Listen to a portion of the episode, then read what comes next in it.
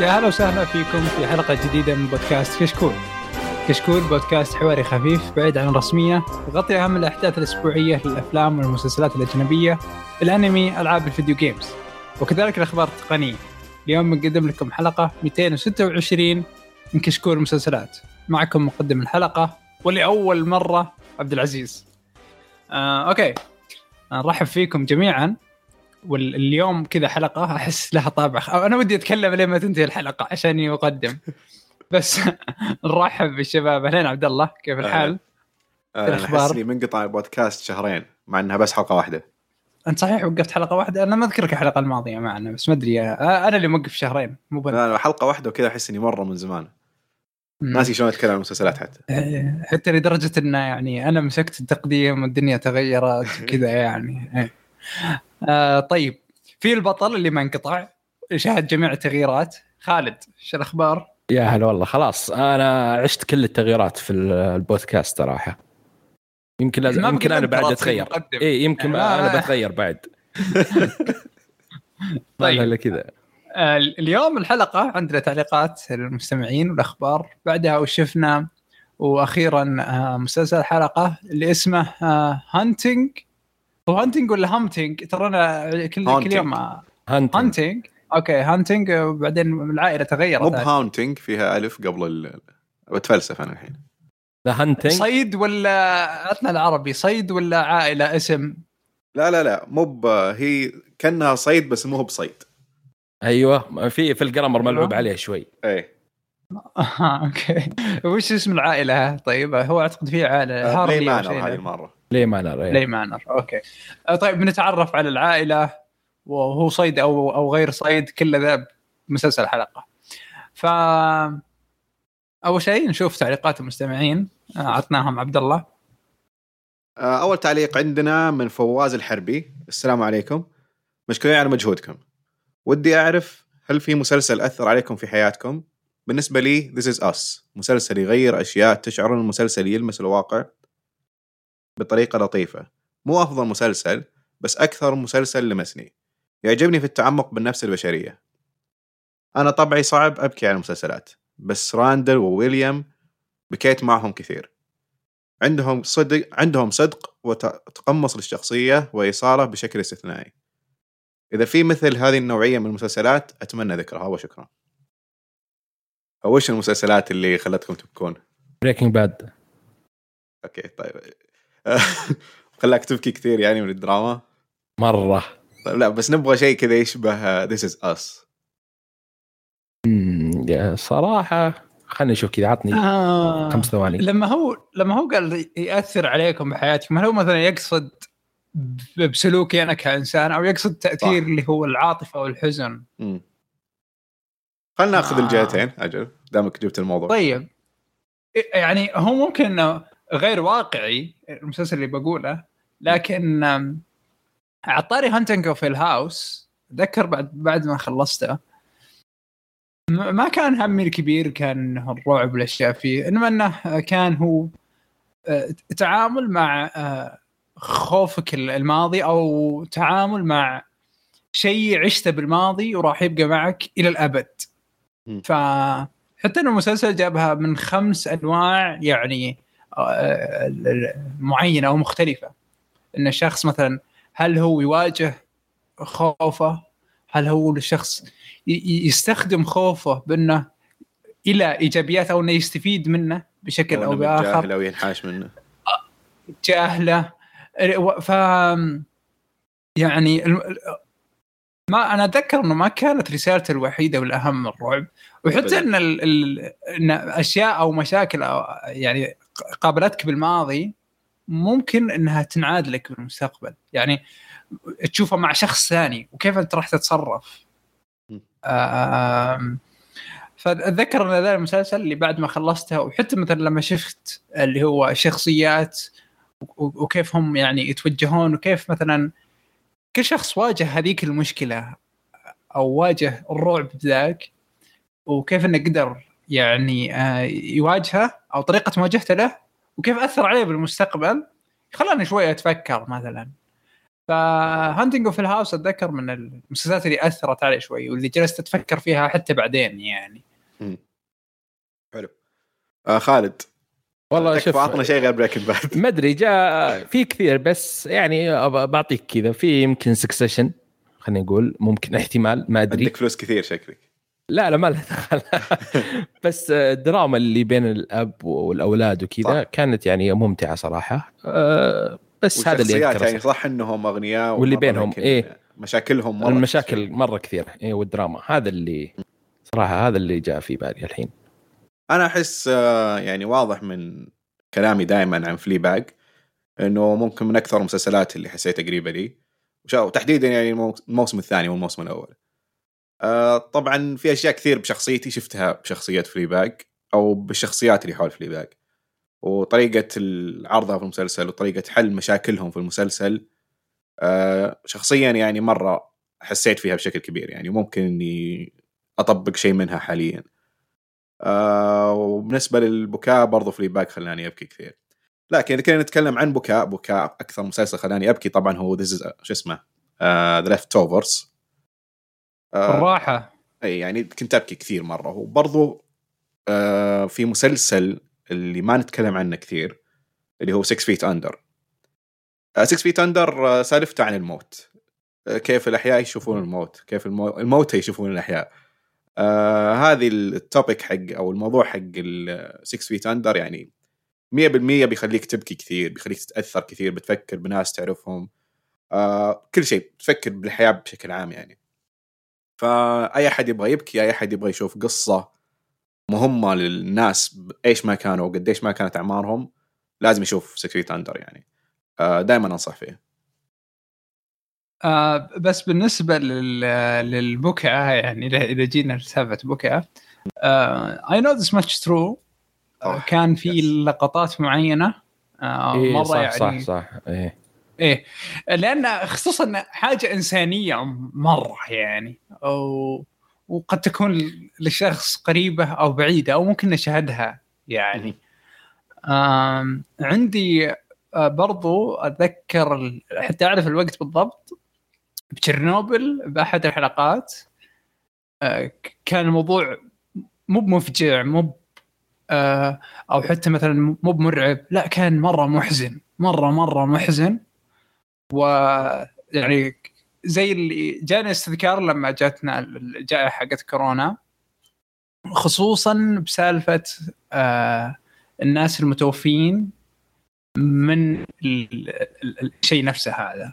سواء بتشيرنوبل الناس اللي جتهم ال- ال- الأعراض أو ال- ال- اللي جاهم الفيروس هنا عندنا. فطبعا هذه بعدين لكن بوقت الحلقة أتذكر انه مرة كان ال- ال- المشهد جدا جدا محزن يعني. آه بس هذا تقريبا لما نجي للبكاء. حلو. آه نشوف التعليق اللي بعده من إكس نو. أول شيء يعطيك العافية فواز الحربي شكرا على التعليق. آه إكس نو يقول في أحد تابع That 70 Show؟ إذا تابعته أعطونا رأيكم وإذا لا يا ليت تشوفونه لأن ما عمري شفت مسلسل كوميدي مثله. خالد أكيد شفته صح؟ إيه. تابعت يس. موسمين أنا. مهم.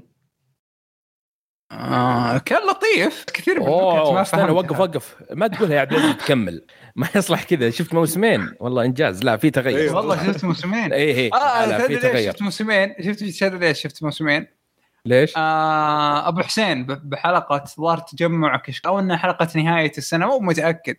جاء قال إن أنصح ذات 70 شو فرحت شفته يعني. كيف كان؟ آه جيد. هو كان لطيف جيد. بس كثير من النكت ما أدري أحس إني ما أفهمها ما أدري ما أدري شلون يعني. فم غالب الوقت إني أشوفه بس أقتل الوقت أكثر من إني أضحك. آه. إيه هذا اللي صاير يعني. أنا بعدين يوم جت. مسلسل ثاني وقفته خلاص يعني. فواضح إنه مرة قت- قتل الوقت. اسلم. أنا كنت أشوفه كنت جدا جدا أحبه. إلى الآن أحبه طبعا. المسلسل من أكثر مسلسلاتي كانت تضحكني. والحين يعني أنا ما أقدر ما أشوفه كامل يعني لما أعيده ما أعيده من أول حلقة لين آخر حلقة. آه، أسوي زي الشفل أختار حلقات عشوائية. باستثناء المواسم اللي طلعت فيه شخصية إريك هو اسمه إريك؟ إيه أتوقع. هو إيه. حق من سبايدر طلع يعني خلاص. المسلسل صار من أسوأ ما يمكن يكون. فالمواسم كل اللي قبل كان جدا جدا ممتع وأحب شخصياته كلها. آه، أنا أتفق. يعني كنت متابعه تابعته لين طلع إيريك وقلت يعني تابعته زيادة. بعدين لا المستوى طاح. أقدر أشبهها بالناحية هذه شو اسمه Two Half Men يوم طلع شارلي شين من المسلسل أيه. وجابوا الممثل الثاني اللي ما أدري شو اسمه. لا المسلسل اللي موجود أيوة. أيوة. 70 Show إيه المسلسل هناك فرق ترى بينهم بين إيه. الشخصيات. إيه. فصار سيء. يعني هذه المشكلة فاغلب المسلسلات الكوميدي اللي تسوي كذا. هو ال- الغريب يعني المسلسل لما طلع منه إيريك صار ما تدري إيش تتفرج عليه. يعني. المشكلة انه قبل كان في كثير شخصيات ويركزون عليها كلها لكن الغريب إنه لما طلعت شخصية أنا ما أحبها أصلا صار سيء المسلسل فما أدري شلون يعني كيف تغير المسلسل بهذا الشكل هو ال group إذا تغير أحد منهم صح خلاص حتى آه. Friends لو تغير ولا The Office ولا زي كذا بس عموما يعني المواسم اللي- ترى بعض أيوة. الأحيان ما يصير سوءا بالممثل الجديد ولا شيء بعض الأحيان التناغم اللي بينهم أو ما تدري شلون حاجة كذا غريبة تصير خلاص تخرب المسلسل وذي مسلسلات كوميدية مرة كثير أي. مو بلازم الممثل الجديد نفسه سيء بس يعني كذا التناغم تعودت على هذاك. فكرة أيوه بالضبط ما عدا ساينفيلد أعتقد يوم دخلت ال هي دخلت الموسم الثاني ولا الثالث؟ الثاني شو اسمه وكان؟ سيء قبل. ما تدخل أي أي ما ودي أقول سيء أو جيد اول موسم بس إنه آه، والله هي أشوف صراحة. الحلقات الموسم الأول يوم دخلت صراحة غيرت الجو أي. وأضافت مرة كثير. آه لكن عموما يعني أعتقد كلنا عجبنا ذا 70 شو وأكيد ان ننصح فيه مرة. آه شكرا لك على التعليق. آه التعليق اللي بعده آه من نواف 23 وش أفضل مسلسل درامي عندكم؟ ويوم أقول درامي أقصد دراما بحت مو جريمة مع دراما أو كوميديا مع دراما. بالنسبة لي أفضل مسلسل درامي This is Us. وأفضل مسلسل يعرض يعرض إلى الآن بعض المسلسل آه بعد المسلسل ذا إذا ما نزل إذا ما نزل دمعتك فأنت عندك مشكلة صراحة أعطوني رأيكم عن المسلسل اللي شفته هذا المسلسل شفت. أسمع كلام آه، كثير عنه ولا شفته صراحة في ناس آه. كثير يقولون لا مو كويس وفي ناس يقولون لا مرة أسطوري ما أدري المشكلة This Is Us الحلقة اللي كنا نحتاج فيها أبو عمر وأبو حصة أعتقد هم اللي تابعوه. آه كل شفت التعليقات منك This Is الحلقة. Us ما جاء حد منهم. أنا شفت منك كم حلقة طبعا أنا ماني fan ابدا. آه is Us من المسلسلات اللي هذا كلام مرة رأي شخصي يعني مو رأي نقدي. آه من المسلسلات اللي آه، كذا تسحب عاطفة أنا أشوفها كذا تسحب عاطفة بدون محتوى. ف ما ما ما يعجبني. في ما دراما. عائلية أتوقع أو شيء زي كذا. لا هو حلو قصته حلوة لكن بالنسبة لي اللي خليني أتفرج عشان أصيح.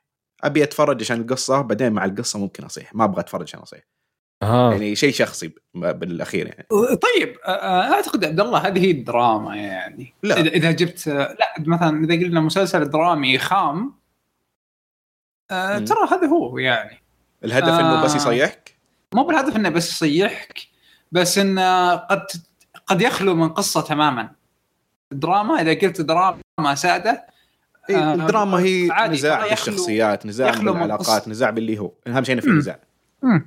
آه، لكن أنا اللي أقصده بال... اللي أشوفه ما يعجبني هنا بالمسلسلات اللي تشبه This Us إنه العاطفة تغلب على القصة أو تغلب على اي صحيح النزاع بالشخصيات آه. ممكن كلامي يكون مو بشكل كامل لأني ما شفت من حلقتين من ثلاث حلقات آه. بس كان واضح بالنسبة لي وكان مزعج فهو. رأي شخصي فقط إنه أنا ما ما أفضل المسلسلات. آه طيب وش المسلسل الدرامي البحت اللي تحبونه أو أيوة. أفضل مسلسل درامي بحت OK أف... كأفضل ما أدري ما شفت كثير بس آه على سبيل الذكر و- وبالراحة ممكن لو حتى شفت كثير بيكون من الأفضل My Brilliant Friend موسمين هالاثنين امم صح جميل. صح yes. خالد؟ آه بس. آه هي هي. ما في إلا يمكن Brilliant Friend آه يمكن وش اسمه مسلسل اللي هو Hulu The Act ما أدري إذا فيه آه اكشن ولا شيء. ما أذكر فيه اكشن بس آه هو كان هو مأخوذ من قصة واقعية.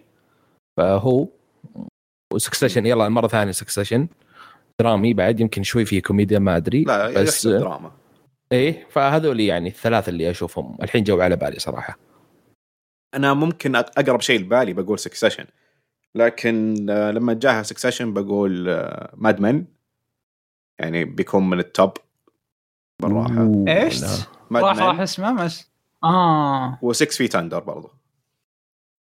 آه لكن متأكد إنه في زيادة لكن مو بجالس تحضرني حاليا. ممكن بنهاية الحلقة أو الحلقة الجاية نزيدها عليها. آه نسأل أبو حصة يجانا. okay. آه في شيء تضيفونه؟ افضل مسلسل درامي بحت؟ Breaking Bad يبيني اقولها لا هذا مسلسل لا. ما ما له شغل ما له شغل.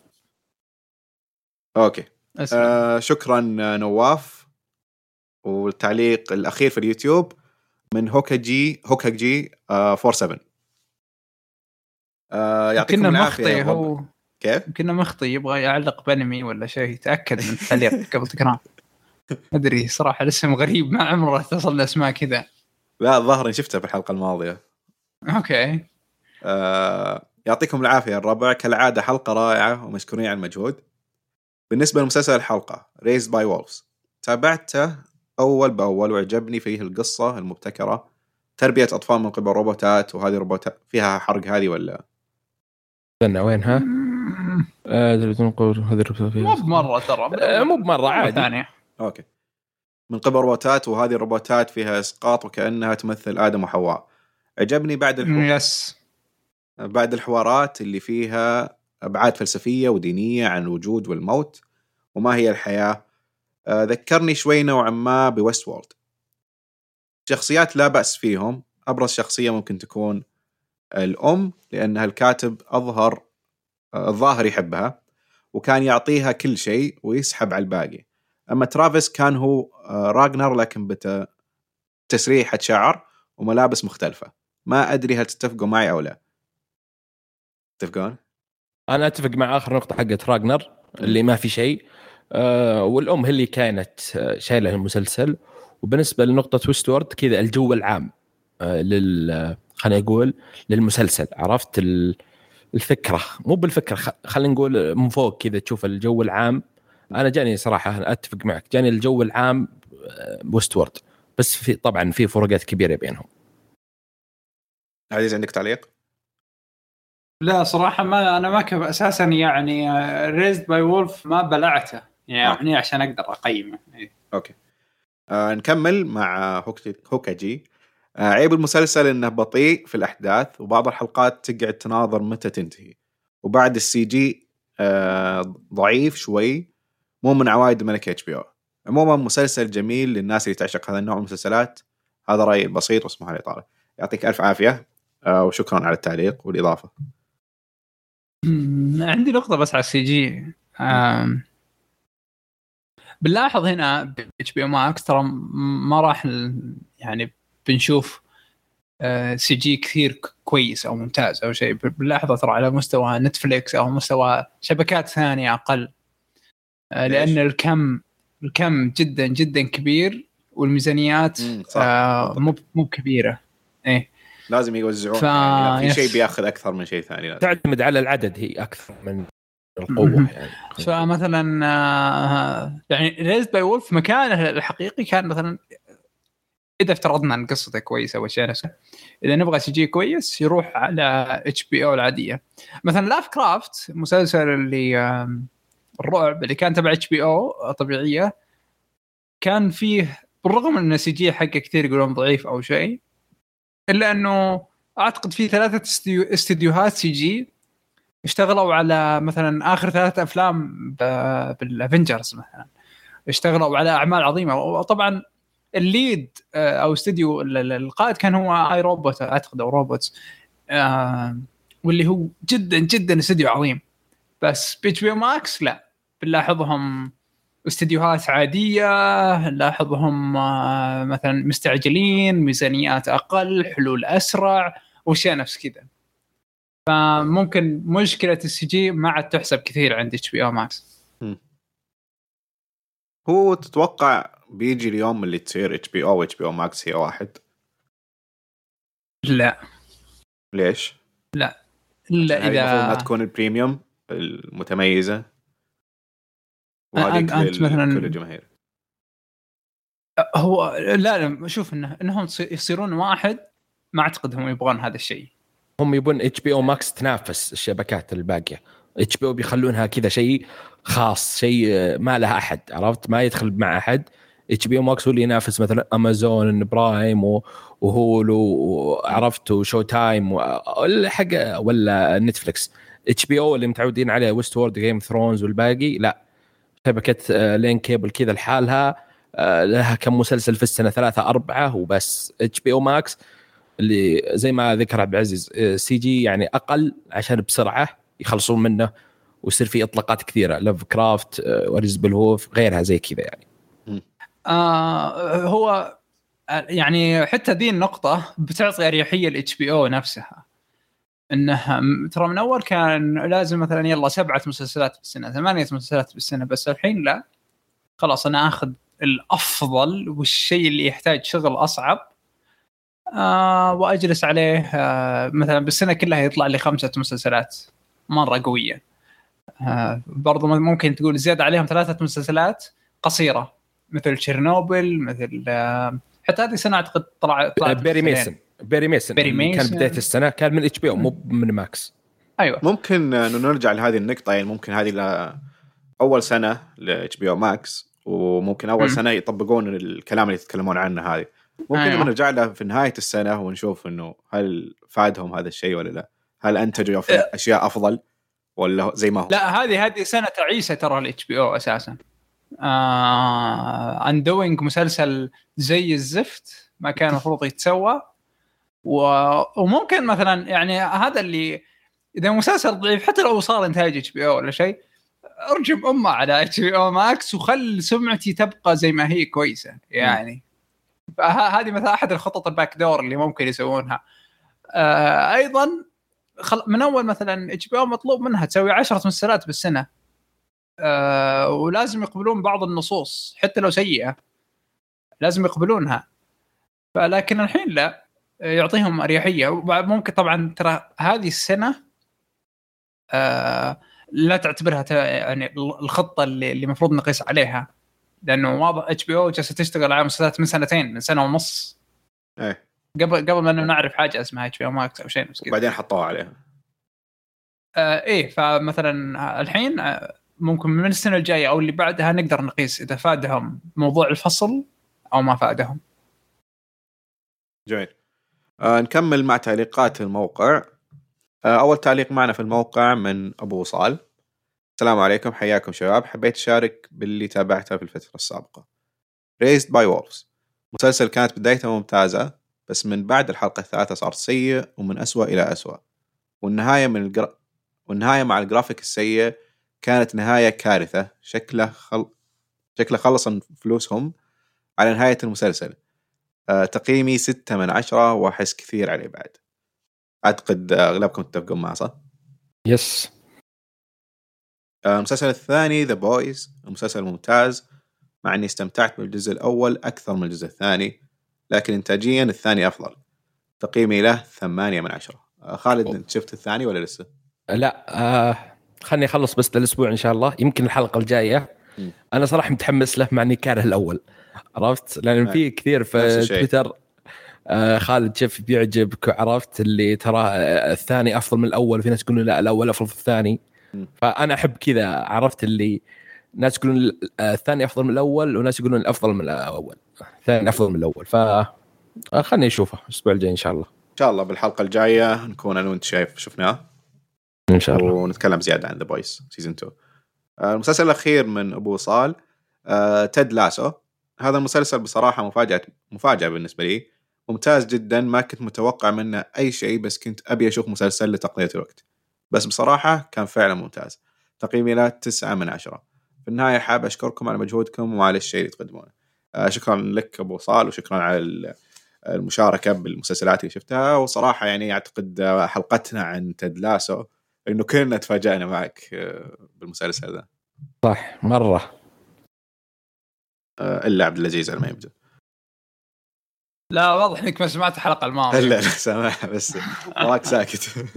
يبي حالك آه. عبد الله. آه، okay. آه، التعليق اللي بعده من حمد. آه، السلام عليكم. إن شاء الله إنكم جميعا طيبين وفي أفضل حال. الحمد لله. آه، كلكم آه، كلامكم عن Raised by Wolves كافي ووافي. لكن أحس إني أبغى أزيد عليه. المسلسل هذا غريب. أحس إني كنت مستمتع فيه في البداية. بعدين صرت أشوفه عشان أبي عشان أخلصه بس. أحس إنهم ضيعوا القصة وما يدرون وين متجهين بالضبط. CGI من أغرب الأشياء في هذا المسلسل كانت سيئة خصوصا الحيوان اللي طلع في الأخير. الموضوع يشمل Lovecraft Country طبعا كل واحد يقول السوء عندي. ذي الدرجة ال CG كان سيء. شوف آه، أذكر ذيك الحلقة كنت أنا وأبو حصة اللي شايفين المسلسل. في النهاية قلت أنا ما أنصح وأبو حصة قال أنصح. المسلسل يعني أعجبني وما أعجبني. عرفت اللي ما أنصح أحد يشوفه وبعدين يضيع وقته بعدين يقول آه, آه ليش نصحت؟ فهمت قصدي؟ إيه. وحلو بس مو بحلو يعني يعني ستة. خمسة. إي هناك أشياء كثيرة خطأ أخطاء كثيرة. مرة أخطاء كثيرة. القصة يعني آه، ما أبي أعيد كلامي بس القصة يعني المفروض أربع حلقات ولا خمس حلقات بالكثير وهي مخلصة. آه، ال CG ما أذكر إنه كان مرة سيء. سيء سيء كان يعني حلو. صح مو مثلا جودة HBO Game of Thrones والتنانين وكذا أتفق. بس ما ما أذكر إني شفت شيء مثلا وخرب علي. ممكن انت شفت زي كذا حتى أبو حصة أذكر قال كذا. ما أذكر صراحة بس ما أذكر يعني إني شفت شيء وخرب علي. ولف كرافت آه، صراحة أنا ما أبي آه، يعني خايف إني أتابعه. وأصل كذا نص اصير نفس مشكلة Raised by Wolves. أتابع وفي الأخير يطلع سيء ولا شيء زي كذا. لأن في ناس كثير قالوا أول ثلاث حلقات حلوة بعدين الرابع سيء بعدين الخامس آه، يتصاعد بعدين ال CG سيء. هذه المسلسلات اللي آه، نص نص آه، اخليها آخر شيء. صراحة ما ما أخليها من أولوياتي. Love آه. craft آه آه ما أدري أنا شفت أنا كذا اول أول ما بديت أشوفه مسلسل رهيب جدا ممتاز وإنتاجه. لين طلع ال CG يوم طلع ال CG مسلسل دحدر downgrade عظيم يعني ما أح، لذي الدرجة؟ مسلسل مرة مرة. آه يعني أنا أنا مرة استغربت حتى انه كذا ال CG سيء لهذه الدرجة. الحلقة الثانية برضو نفس الشيء. وما أدري إذا راح تستمر هذه الوحوش هي نفسها اللي طلعت ال CG كان فيها سيء راح تستمر طول المسلسل ويكون CG سيء؟ أو بس مثلا هذه هي هي وحش معين اللي كان ال CG حقه سيء. الباقي كان ممتاز وما أدري صراحة. آه، طب أنا بما صراحة إن كلامكم ساير عن ال CG وإنه إيه. مو قد التوقعات أو ال standard حقكم. آه أنا صراحة يعني ما أدري وش ال standard اللي تشوفونه للمسلسلات مناسب يعني. لأنه من رأيي أنا أحس إن المسلسلات مو مطالبة إنها تكون ابدا في أي شيء أي شيء قريب من مستوى الأفلام. مرة بعيد عنها. صح أنا اللي أتفق. أطالبه من المسلسلات إنه شيء مقبول بس. ما يخرب ما. يخرب عيوني. ما يشوه عيوني. ما عندي مشكلة أهم شيء لا، لا. شيء مق- مقبول. لا أنا ما يخرب عيوني. مسلسل إيه؟ آه على الأقل 10 حلقات. بعضهم 13 14 آه المسلسلات توصل 24 لكن مو معقول ان المسلسل يد- يدفعون عليه آه أي شيء قريب للسينما. أنا ما ما أدري وش ال standard حقهم فممكن تعطونا مثال للمسلسل غير Game of Thrones لأنه كان too much Game مستحيل. Thrones ما يصلح ما يصلح إيه. يصير standard أساسا. اي ما في مسلسل ثاني ممكن يقرب لل standard حق Game of Thrones من هنا إلى خمس سنوات قدام. إلا أشياء نادرة مثل إنتاجات امازون لأن امازون عندهم فلوس بالهبل. آه لكن المسلسلات الطبيعية. الشبكات الطبيعية. وش ال standard حقهم؟ آه ما أدري. ذا ويتشر كان كويس. في ذاك المسلسل يا عبد الله اللي شفناه تذكرة حق آه، 13 ريزون واي البنت. أيوه. آه، كيرست. شو اسمه؟ كيرست كان كويس. أي. اس دي جي ولا شيء. اي فهمت قصدي؟ أنا آه، يمكن ما كان أسطوري بس كان يعني كويس. أنا أي شيء ما يخرب هو كيرست وويتشر في كم سي جيك فيها كان خصيصا الوحوش. أنا ما عندي حق مشكلة. ويتشر كان مرة سيء بس عادي. أنا أيوه. شوف هذه نفس شخصي, نقطة. شخصي طبعا إنه إيه. كان عادي. أهم شيء إنه وحش في مسلسل. بمسلسل آه. كان رهيب. لو توريني إياه آه. بسوبر ناتشر أقول لك واو شيء عظيم. بس لو توريني إياه بفيلم افنجر إيه صح. إيه شوف الأفلام لها معيار معين وأشياء معينة. بس نفس ريز وولز أنا ما أذكر حتى نفس التعليق برجع له. ما قالوا يعني ما أذكر إني شفت سي جي سيء. عرفت؟ قالوا آخر آه، الوحش الأخير.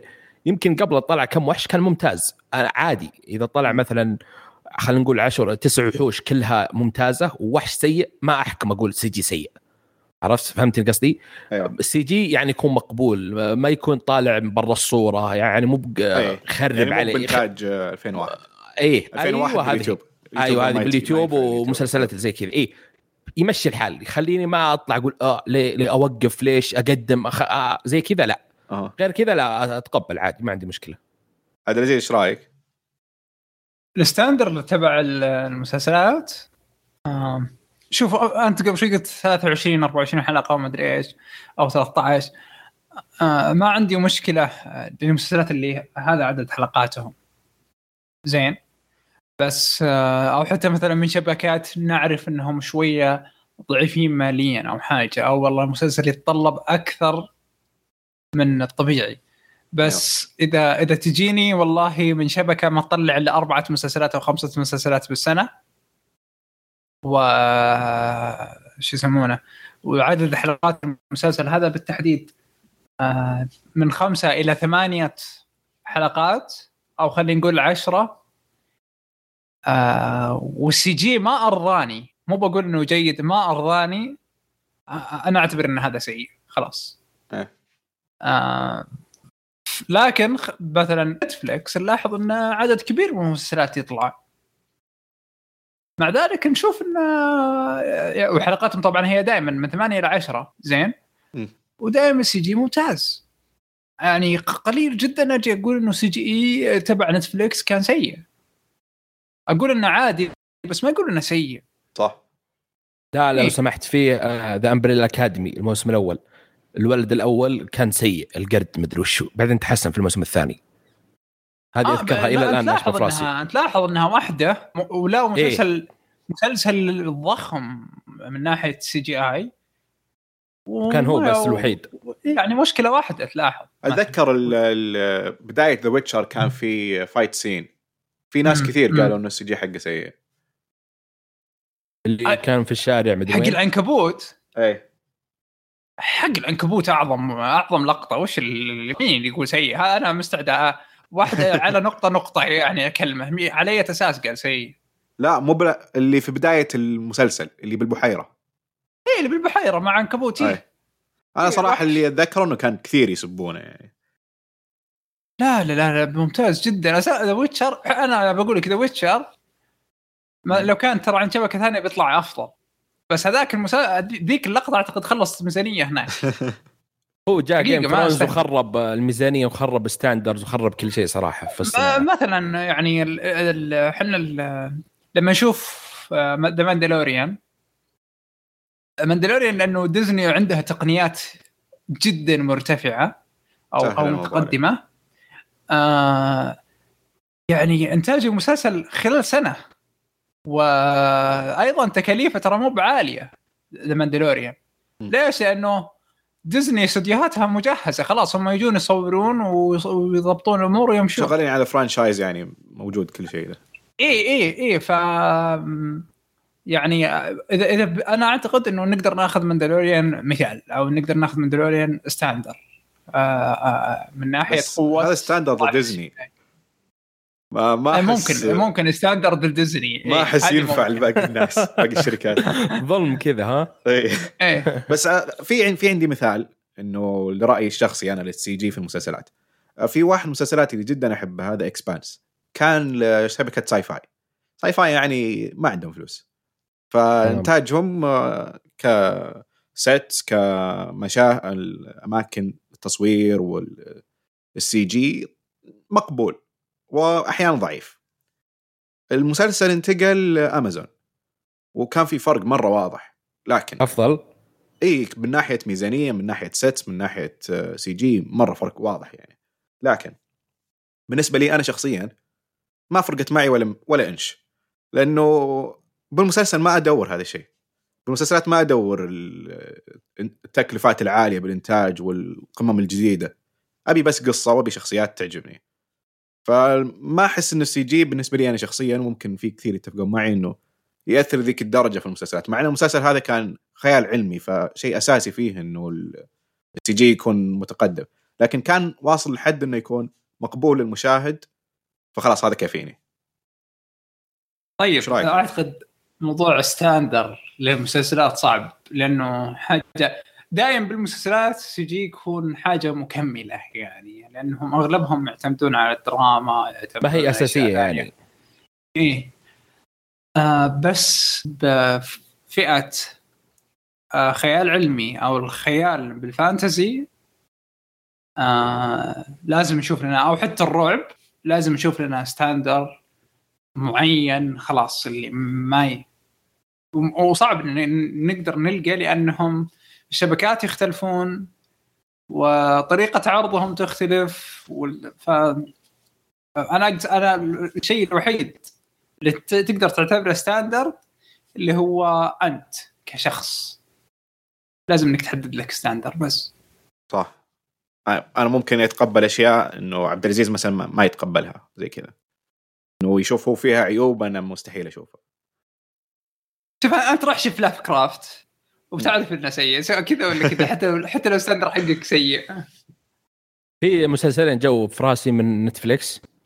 آه شو اسمه ذاك؟ آه Black Mirror و Altered Carbon.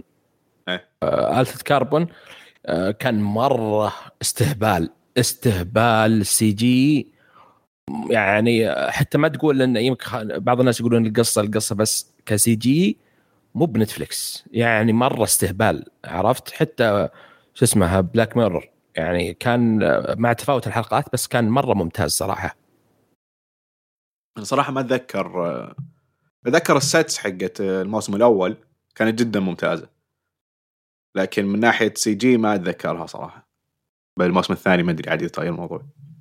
لا لا مرة ممتاز ونفس الشيء Black Mirror اني ما شفت حقات نتفلكس Haunting of Hill House الموسم الأول.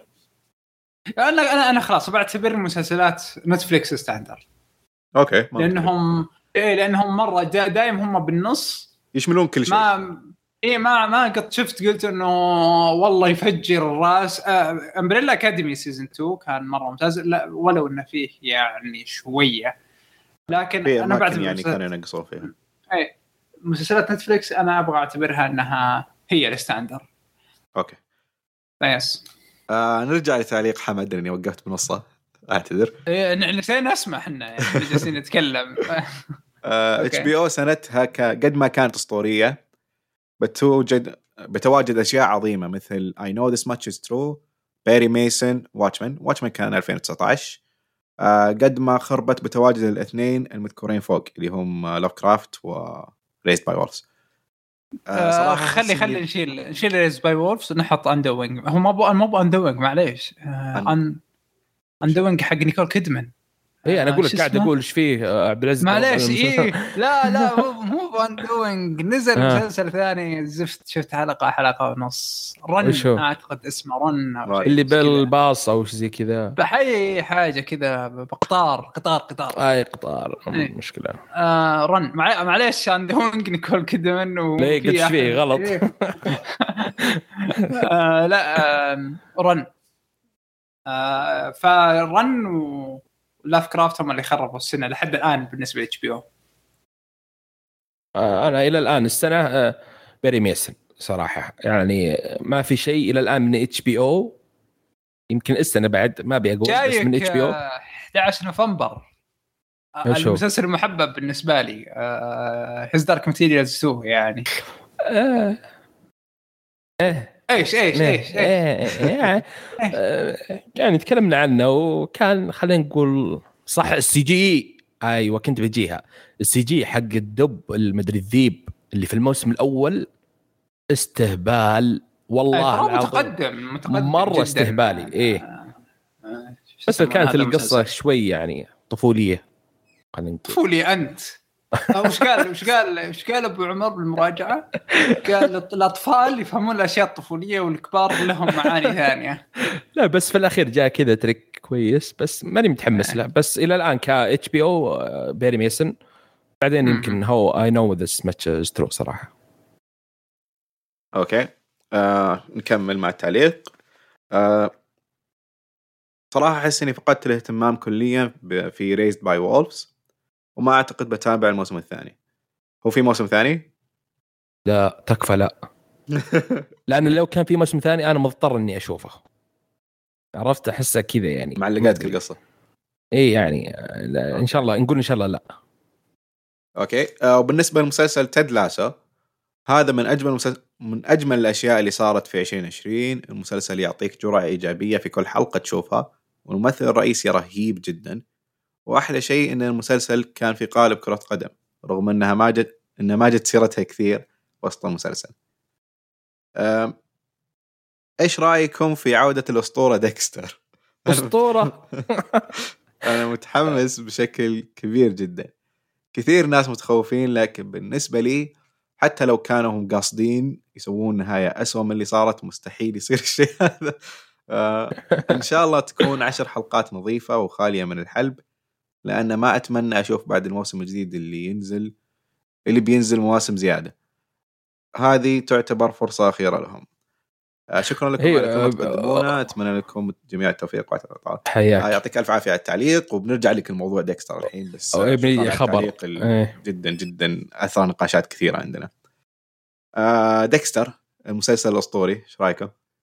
في خبر. عنه آه، بس آه، شوف خلينا نحط الخبر الحين بما آه، نقول الخبر الحين؟ طيب الخبر هو آه، Dexter آه، مسلسل Dexter بيرجع في مسلسل قصير خلينا نقول كأنه reboot من عشر حلقات وشخصية آه، مايكل اللي هي بيرجع نفسه شخصية Dexter والكاتب يكون موجود نفسه الكاتب المسلسل.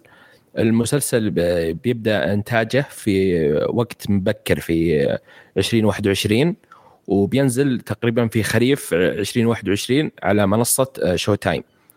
وصانع المسلسل حق ديكستر يقول آه، عودة المسلسل ما راح تغير شيء عن النهاية اللي اللي طلعت.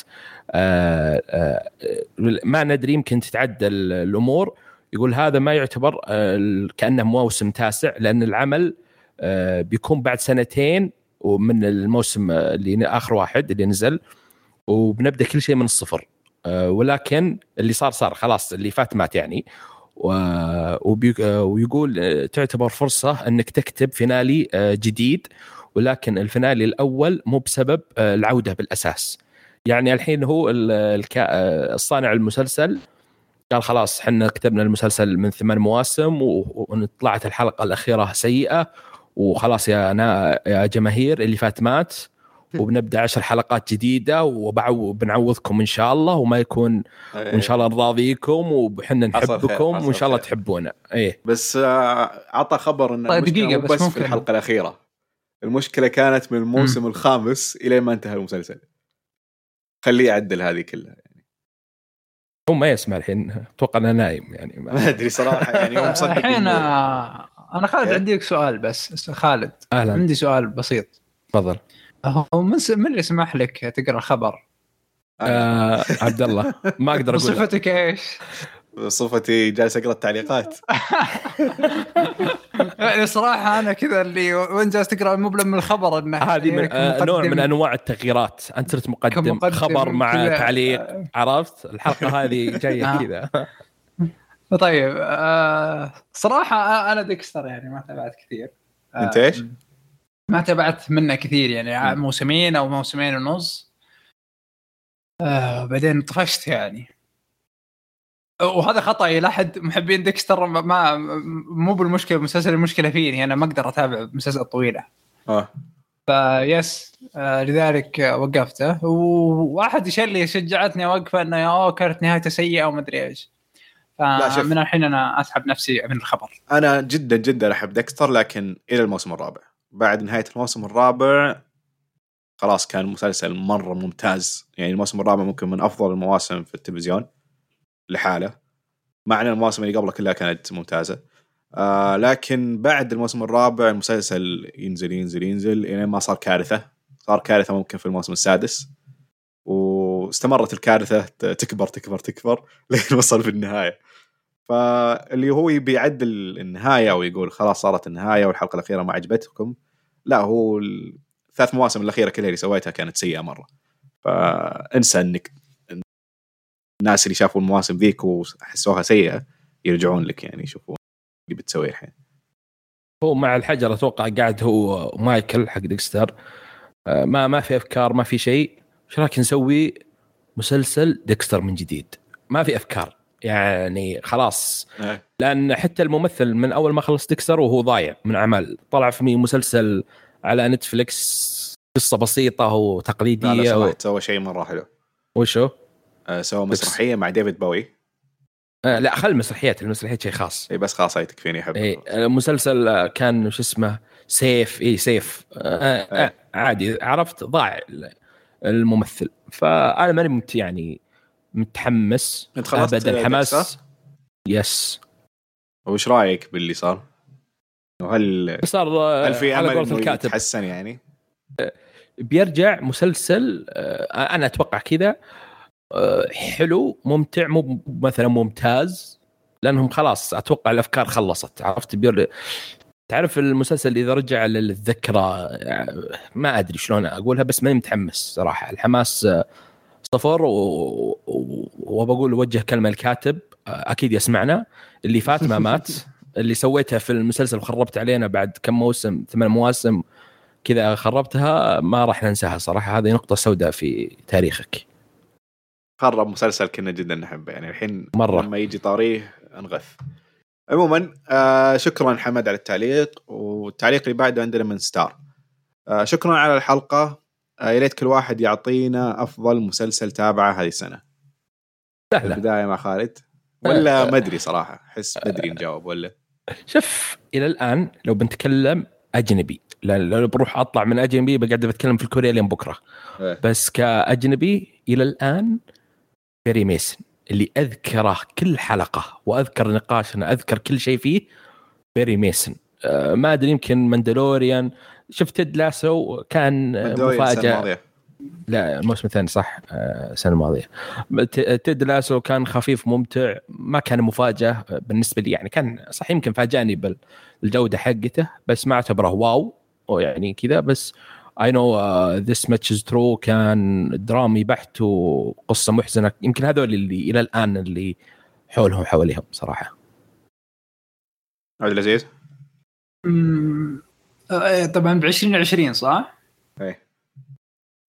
2020 سنة آه، من عادية لسيئة آه، شفنا فيها كثير مسلسلات flop يعني كنا كثير نجي نتحمس نبغى نشوف مسلسل لدرجة إن ما عاد صرنا نتحمس حتى نختار مسلسل معين أو شيء. على عكس 2018 اللي كنا نغير اوقات بعض الحلقات عشان بس نوصل الحلقة الأخيرة يعني.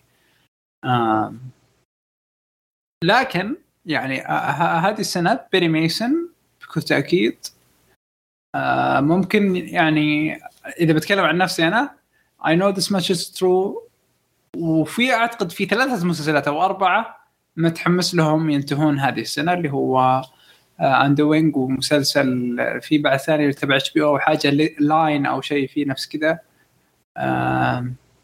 ولا شو يسمونه هيز دارك ماتيريالز لكن آه، وفي طيب برضو هذه سنة امبريلا اكاديمي 2 لا آه، هذا ما يحسبون. لأنهم آه، مواسم جديدة نتكلم آه، كذا. مسلسل آه، آه، اخذتها منك لأنك قلتها لي فبقول لعبد العزيز لأن هذا مسلسل كذا جديد زي Perry Mason جديد. Perry إيه. Mason فقط I Know This Much True والمسلسلين الثانيين حقنا أنا المشكلة إني اللي كنت أجهزهم كان كلها مواسم ثانية و عطني إياهم عطني إياهم. خلينا نشوف 2020 فاضي Dead to Me. صراحة جدا عجبني ذا الموسم. أيوه. وطبعا What We Do in the Shadows امبريلا اكاديمي نوخر الكوميديا، ذا نوخر شادو لا بعد روح لي على كيلينج ايف كيلينج ايف الموسم اللي لا. تدري لسه ما شفته؟ آه لازم أحرق عليك بعد التسجيل. لا وفي واحد ثاني بس إني نسيته. كل منكم شتتوني كان مهم بيغير حياتكم.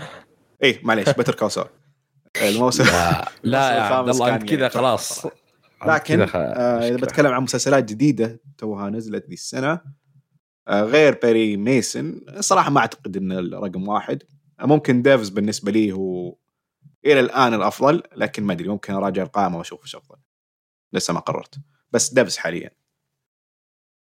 أكيد Devs؟ Devs. أكيد أكيد أكيد. أكيد أكيد.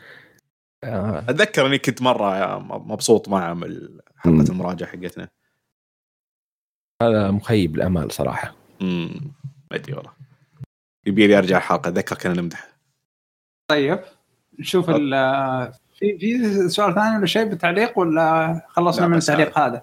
آه أوكي. آه، انتهينا من. التعليقات؟ كيف؟ لا لسه باقي ما شاء الله عندنا تعليقات آه أنت تقول بس هذا قلت يعني خلاص لا قلت بس هذا. السؤال. في لسه آه، تعليقات. آه، التعليق اللي بعده من HMH 2040 السلام عليكم والله يعطيكم العافية. حبيت أعلق بخصوص مسلسل Raised by Wolves بالنسبة لي المسلسل كان نايم في كثير من الأحيان وسبب لي الملل لكن غصبت نفسي أخلصه ومتردد صراحة أتابع الموسم الثاني. في الأخير أحب أشكر جهودكم على هذا البودكاست الرائع. آه، أنا أتفق معك. آه شايل هم اتابع الموسم الثاني. آه آه. التعليق اللي بعده عندنا من آه، لور دريفن زيرو صباح الخير. آه، تابعت مسلسل Better Call Saul الموسم الأول واستمتعت جدا بمشاهدته بشكل يا حظك. يا حظك. واللي لاحظته إن أسلوب الكتابة فيه ها فيها ها. طابع Breaking Bad أيوه. ممتاز لكن مع كتابة محكمة أكثر وفيها ترابط عكس Breaking Bad لا لا لا لا. لا لا وقف آه. وقف هنا يا عبد الله صحيح لا لا لا لا لا, لا. أطالب بتعديل. بتعديل. التعليق في في فرق بين أحسن وفيها ترابط أكثر هذه ما ما فهمت يعني أحسن كتابة الموسم الأول كان مركز على شخصية واحدة يعني كلها مترابطة لا أطالب بحذف هذه الحلقة وإعادة تسجيلها من جديد. okay خالد متعصب المفروض اعطيك mute الحين لا لا لا لا شوف شوف أنا معجبين الاثنين. يعني أنا آه، مكيف على الاثنين بس ما أشوف هو الكاتب نفسه نضج بعد Breaking Bad عرفت؟ يعني آه، تمكن. شوف. ما أقول إن Better Call Saul سيء إلا ما خليني خليني أكمل تعليقة. خليني أكمل كمل. تعليقة عشان يلا. ناخذ نقطته كاملة. آه، okay. وفيها ترابط ترابط عكس Breaking Bad اللي فيها غالب الأحيان أحداث تمشي إلى الأمام بدون ربط متسلسل وكان غالبا مواقف ينحط فيها والتر وايت ونشوف مغامرته بداخل الأحداث عكس Better Call Saul اللي فيه من الاثنين.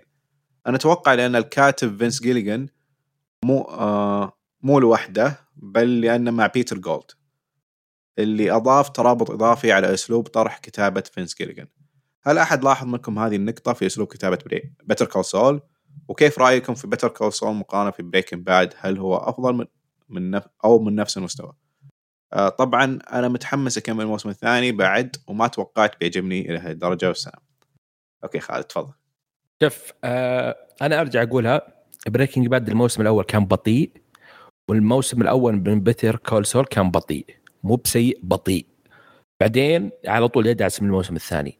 ترابط الأحداث كلها ممتازة. بس أنا أشوف من وجهة نظري الكاتب إذا أول مسلسل له Breaking Bad أي مسل... أي مسلسل وكتبه وكان ناجح. زي Breaking Bad اللي هو فينس جيليجن كتب أول مسلسل له أتوقع اللي هو X-Files لا خلي X-Files هذاك آه، شيء ثاني. Breaking Bad كتبه وتع... يعني صارت عنده خبرة ونضج في الكتابة وراح حتى تشوف فيه نفس الأسلوب حق Breaking Bad في. من ناحية الكتابة.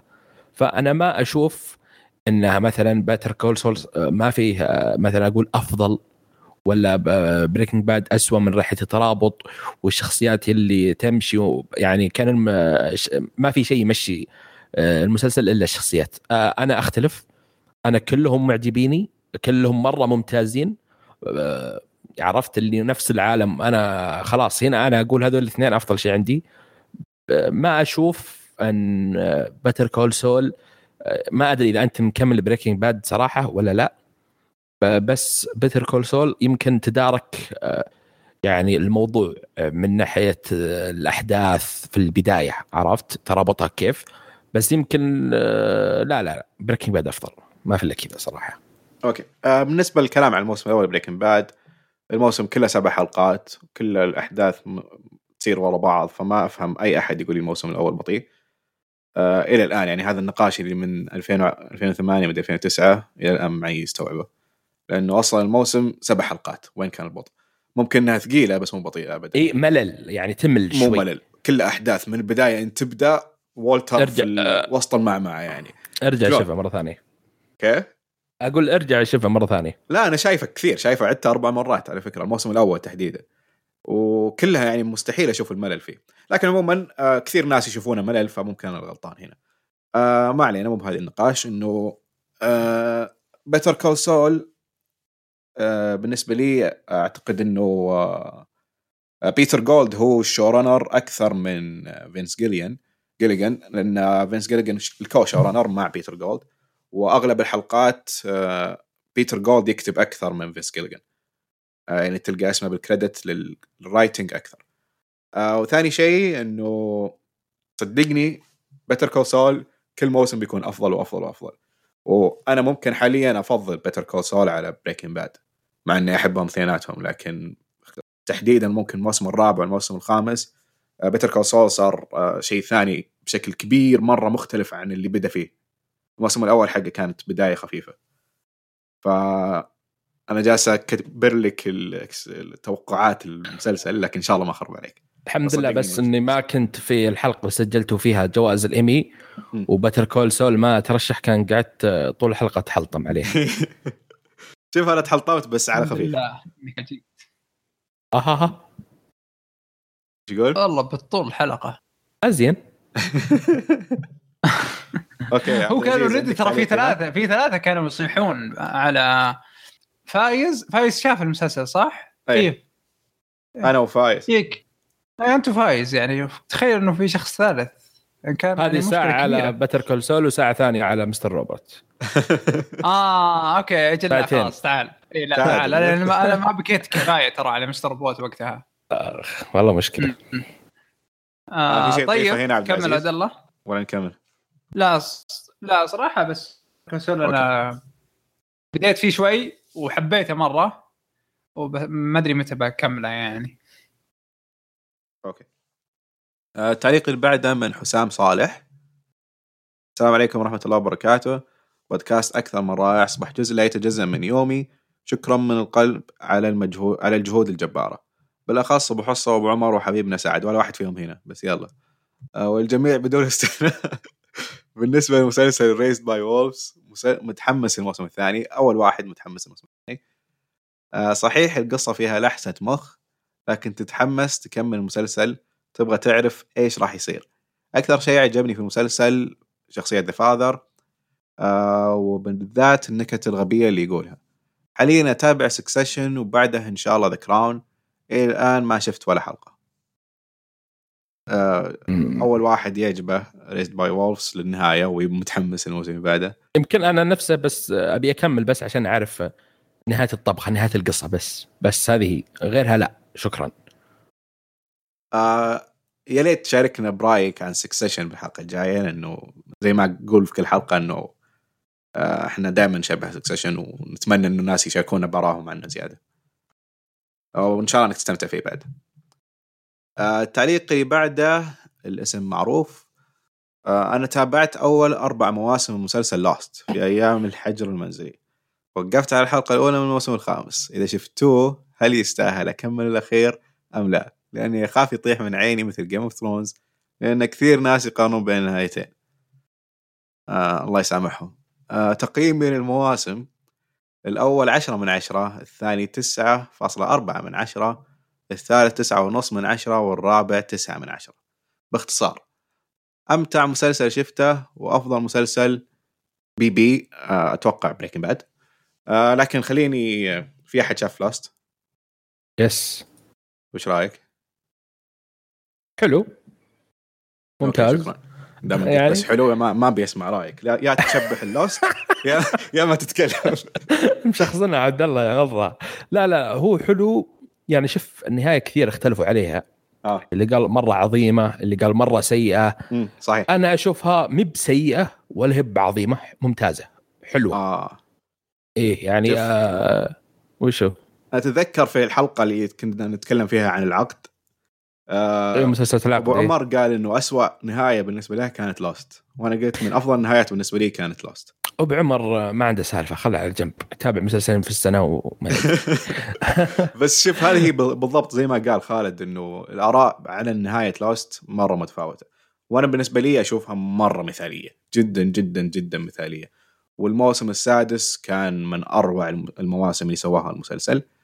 آه الخامس أنت ما شفته. آه في تفاوت بسيط لا، بس كمل. الخامس؟ كمل. ادعس. لو ما شفت. كيف؟ يعني أقول هو موقف الموسم الخامس ما شافه. أي. أنا أقول الموسم آه، الخامس حلو. يعني في تفاوت. احسه أقل موسم هو صراحة. يعني الموسم الخامس هو أقل موسم. لكن آه، السادس أنقذه. عدل أشياء كثير. والنهاية كانت بالنسبة لي يعني جدا جدا مثالية. وش رأيك أنت خالد؟ آه، أت- مو بشوف. الموسم الخامس ما كان سيء بس ابدا لا مو بسيء بس إنه كذا أذكر في كم حلقة كانت أقل أي أقل شيء فيه بس آه في حلقات آه حسيت إنه وش يبون يسوون؟ وين. رايحين؟ يس فأنا أنصحه آه إذا ما أنت موقف على الموسم الخامس كمل ترى وراك موسم سادس وخامس ترى يعني مو بانه بعدين بيصير سيء. يمكن أنت تشوف النهاية وتتفق معنا تختلف ترى كذا أي أحد تشوفه يشوف Lost يقول سيء ممتاز النهاية يعني بس أرجع أكد إنه الموسم الخامس بتحس إنه في نقص لكن السادس بالنسبة لي من بدايته لنهايته كان جدا جدا ممتاز. عندنا التعليق الأخير من أحمد البادي يقول السلام عليكم. يعطيكم العافية جميعا على المجهود.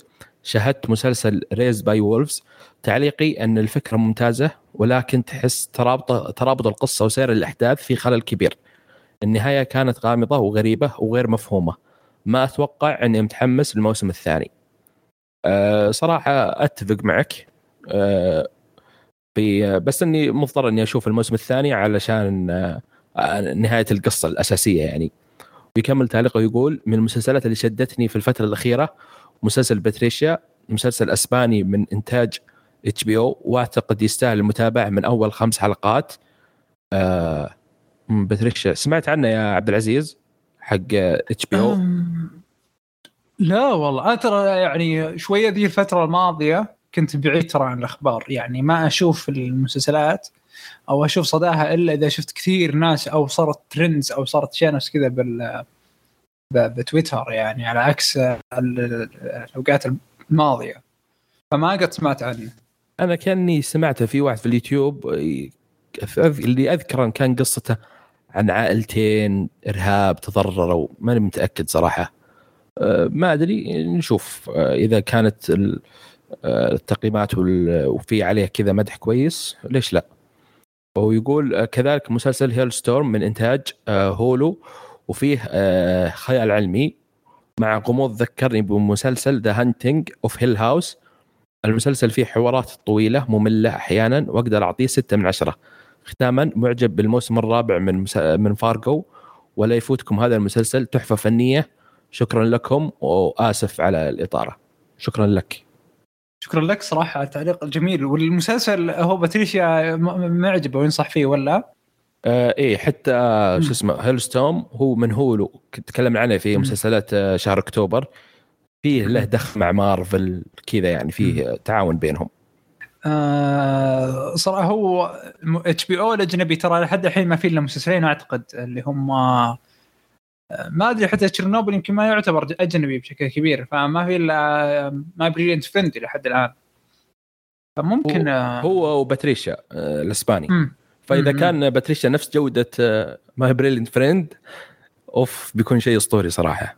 والله مرة. آه، أنا أنا خلاص أنا شو اسمه هو اللي- اللي أحمد اللي سوى التعليق إيه أحمد البادي. ي- يبدو إنه انت اخذت انتباهي تماما. آه، وممكن نغير شوية عن ال- الإنجليزي ونشوف HBO إيش تسوي برا. لأنه أول مسلسل لها هو كان ترى My Brilliant Friend وأدت فيه أداء مرة كويس.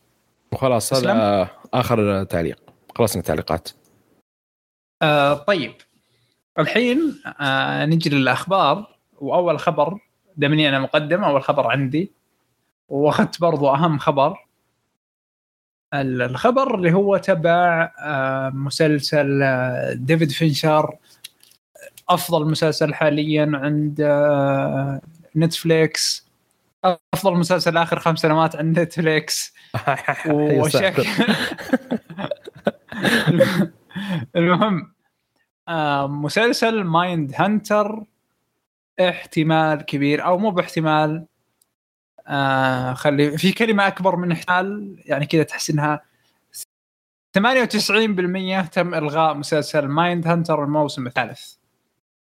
آه ديفيد فينشر اللي هو ال- ال creator حق المسلسل أو الشخص اللي سوى المسلسل آه تكلم الفرايتي وقال لهم إنه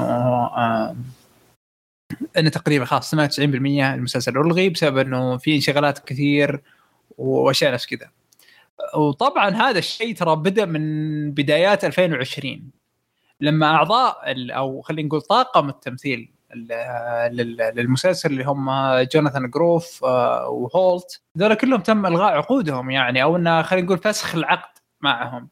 وكانوا يقولون ان لأن في وقت يعني مرة وقت طويل عبال نصور فنخليهم يصورون وأشياء نفس كذا وان الموسم الثالث ما ندري متى. فمن ذاك الوقت الناس ما ارتاحت يعني. آه، برضو كان آه، فينشر يقول إني أسوي فيلم اسمه ماينك راح ينزل ترى هذه السنة إن شاء الله. ف ماش بعدها فينشر آه، سوى جاء التصريح النهائي. قال شوف نسبة المشاهدة على المسلسل مو مو بالقد المطلوب خصوصا إن المسلسل يندفع عليه مرة كثير يعني مرة مرة كثير. أيضا الموسم الثاني بالرغم إنه كان هو المس... يعني الموسم الأفضل إلا إن الموسم الثاني واجه كثير مشاكل. آه فمثلا عندك أحد الأشياء اللي هو إنه الكتابة ترى تم إلغائها بالكامل الموسم الثاني وتم إعادة آه بنائها. آه أيضا بذاك الوقت آه يعني بالموسم الثاني تم الاستعادة بكاتب جديد. ومصور سينمائي جديد آه يش- يشتغل معهم فينشر فلما تلاحظ كمية الميزانية اللي تندفع على هذا المسلسل مقارنة بعدد المشاهدات آه، خيب الظن. انهم عارفين جودته آه، لا نتفليكس ولا فينشر كلهم عارفين جودة المسلسل. ممكن إنه يجيب لهم أرباح أو خلينا نقول آه، مشاهدات بعدين يعني آه، مع ذلك آه، انشغال فينشر انشغال الكاتب الرئيسي انشغال المصور اللي هو اسمه إيريك ها- حاجة نفس كذا. آه، التكلفة العالية. هذه كلها عوامل أدت إلى آه، خلينا نقول نسبة كبيرة من إلغاء المسلسل. هو الصدق أنا ف- لما قريت تعليقه. حسيت إنه هو اللي ما وده. إيه.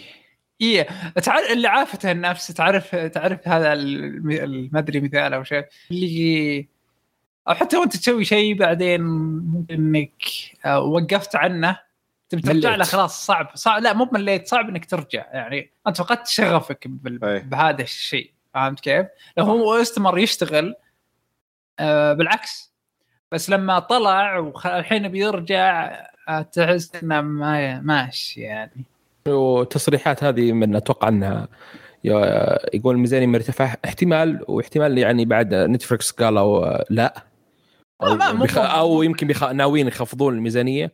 وسالفة المشاهدات هذه أتوقع يمكن هو حاط معيار ولا نتفلكس حاطة معيار معين فوق ال- قيمة الميزانية. مثلا دافعين خلينا نقول مثلا بضرب 100 مليون آه لازم يكون مشاهداتنا باللي دفعنا مثلا خلينا نقول 10 مليون. فجاهم أقل من النسبة هذه. مع أنها كثيرة مثلا بس ما جتهم النسبة هذه. أتوقع كذا.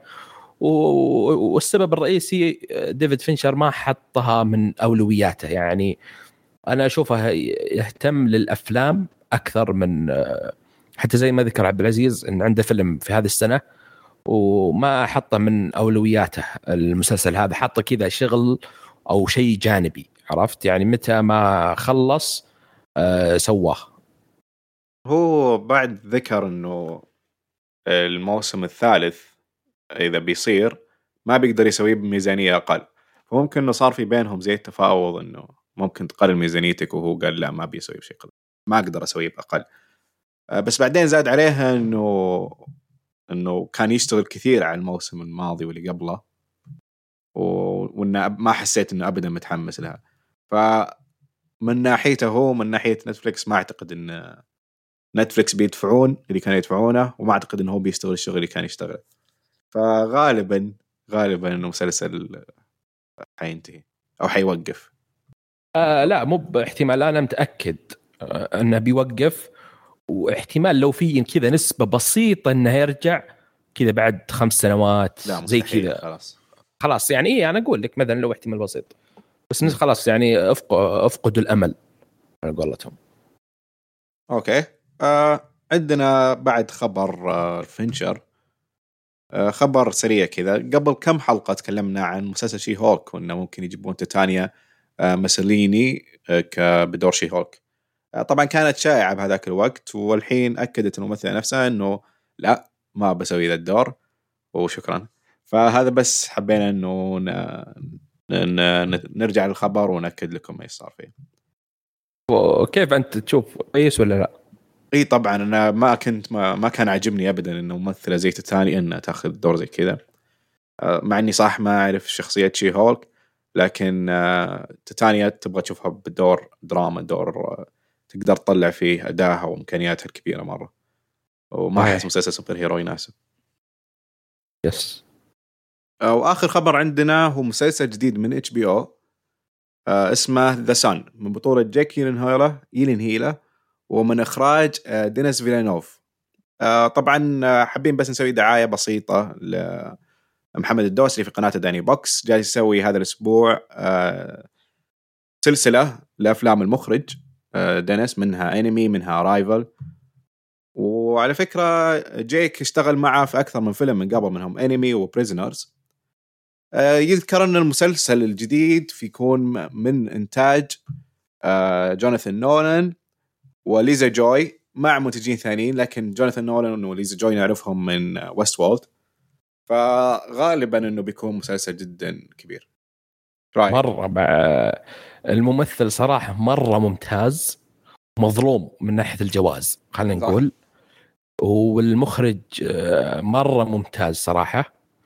وبعدين حمسنا على آه، منتجين ويستورد والاتش بي أو أنت كذا ومو من اتش بي أو ماكس اتش بي أو ومسلسل قصير يعني خلاص هذا اللي عرفت الهايب فوق السقف مو في السقف فوقه تعداه خلاص يعني. صح. أنت كذا حطيت أقوى شيء عندك في الشبكة في ممثل ومخرج ومنتجين وكذا خلاص يعني مرة.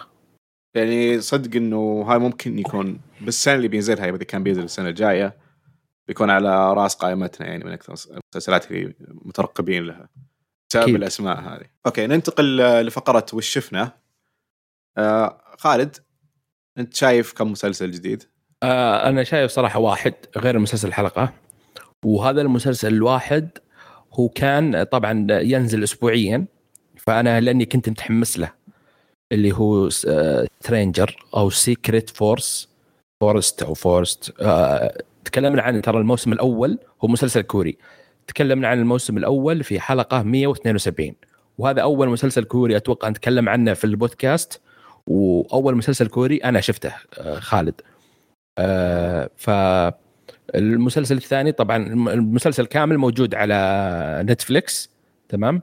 آه الموسم الثاني كنت أتابع حلقة في حلقة ف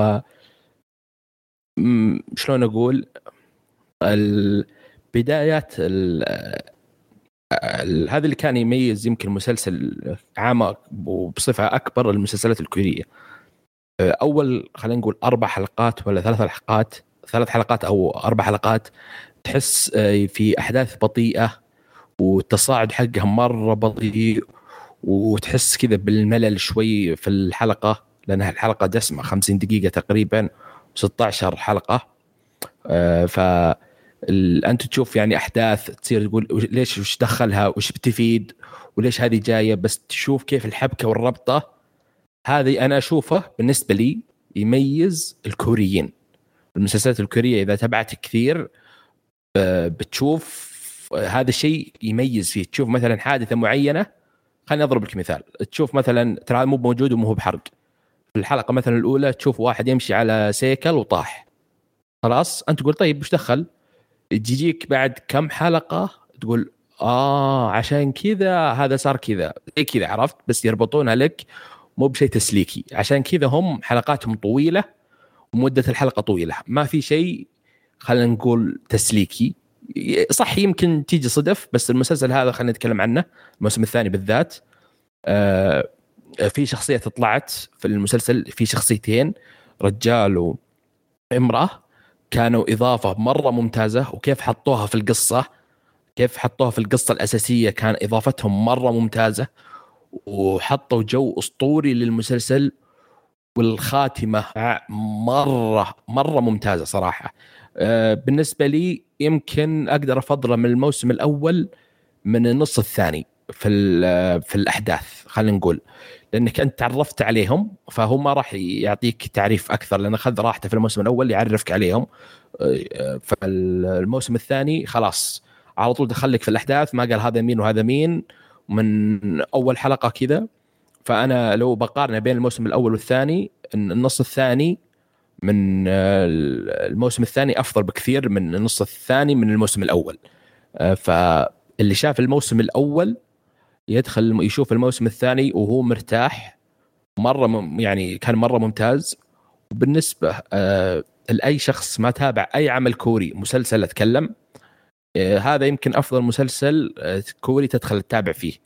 يعني كبداية إذا تقبلت هذا المسلسل وقدرت تمشي يعني حاجز اللغة الإخراج آه آه، طريقة سرد الأحداث كيف يعني في أشياء ما ابي اخربها على متعتك. آه، فإذا قدرت تتقبل هذا المسلسل آه، قدامك ترى أشياء مرة عظيمة وأشياء يمكن ترى بالنسبة لي أنا تنافس أعمال كثيرة أمريكية ولا أجنبية كبيرة. خلينا نقول من أحداث يعني ما أبي أتكلم كثير بس كان مسلسل مرة ممتاز. ما أقدر ما أدري إيش أقول بس خلاص يعني اللي شاف المسلسل الأول خلاص يدخل الحين. الحين الحين وهو يسمع وهو يسمع الحلقة خلاص يدخل الموسم الثاني. مرة متحمس له صراحة ان شاء الله إنه بتكلم مع عنه إذا قدرت أخلصه صراحة قبل الحلقة الجاية. أه أنا لما أول ما نزل على طول تذكرت الموسم الأول وقديش كان مرة عجبني فإن شاء الله وعلى كلامك تحمست زيادة الحين.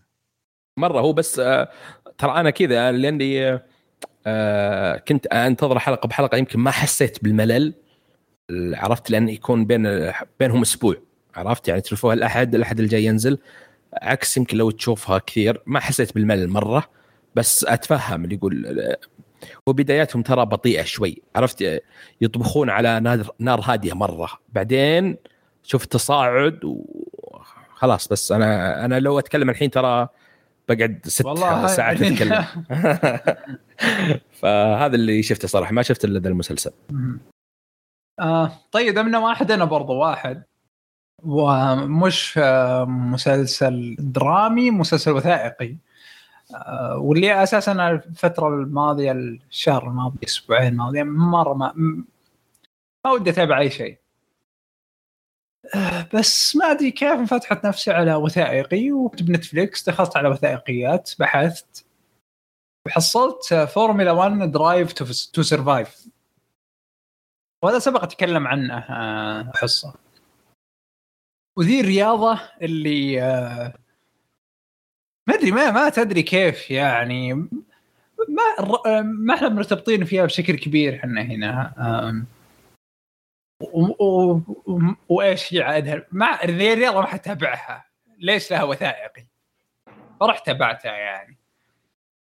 واكتشفت إنه كل شيء اعرفه عن هذه الرياضة هو غلط. غلط تماما. آه رياضة جماعية وفردية بنفس الوقت.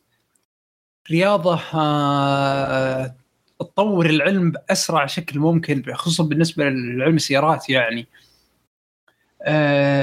رياضة لها شعبية لها حماسها الخاص لها جمهورها الخاص آه ف اللي زاد تقديري للفورمولا 1 نفسها.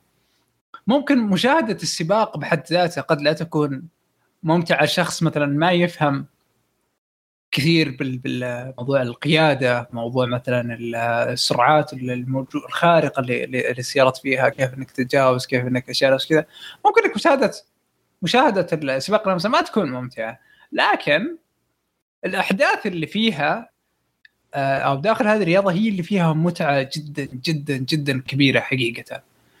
آه، والقائمين على المسلسل نفسه أو على الوثائقي نفسه عارفين هذا الشيء. فتلاحظوا انهم بنوا قصة درامية خارقة من خلال أحداث واقعية صارت.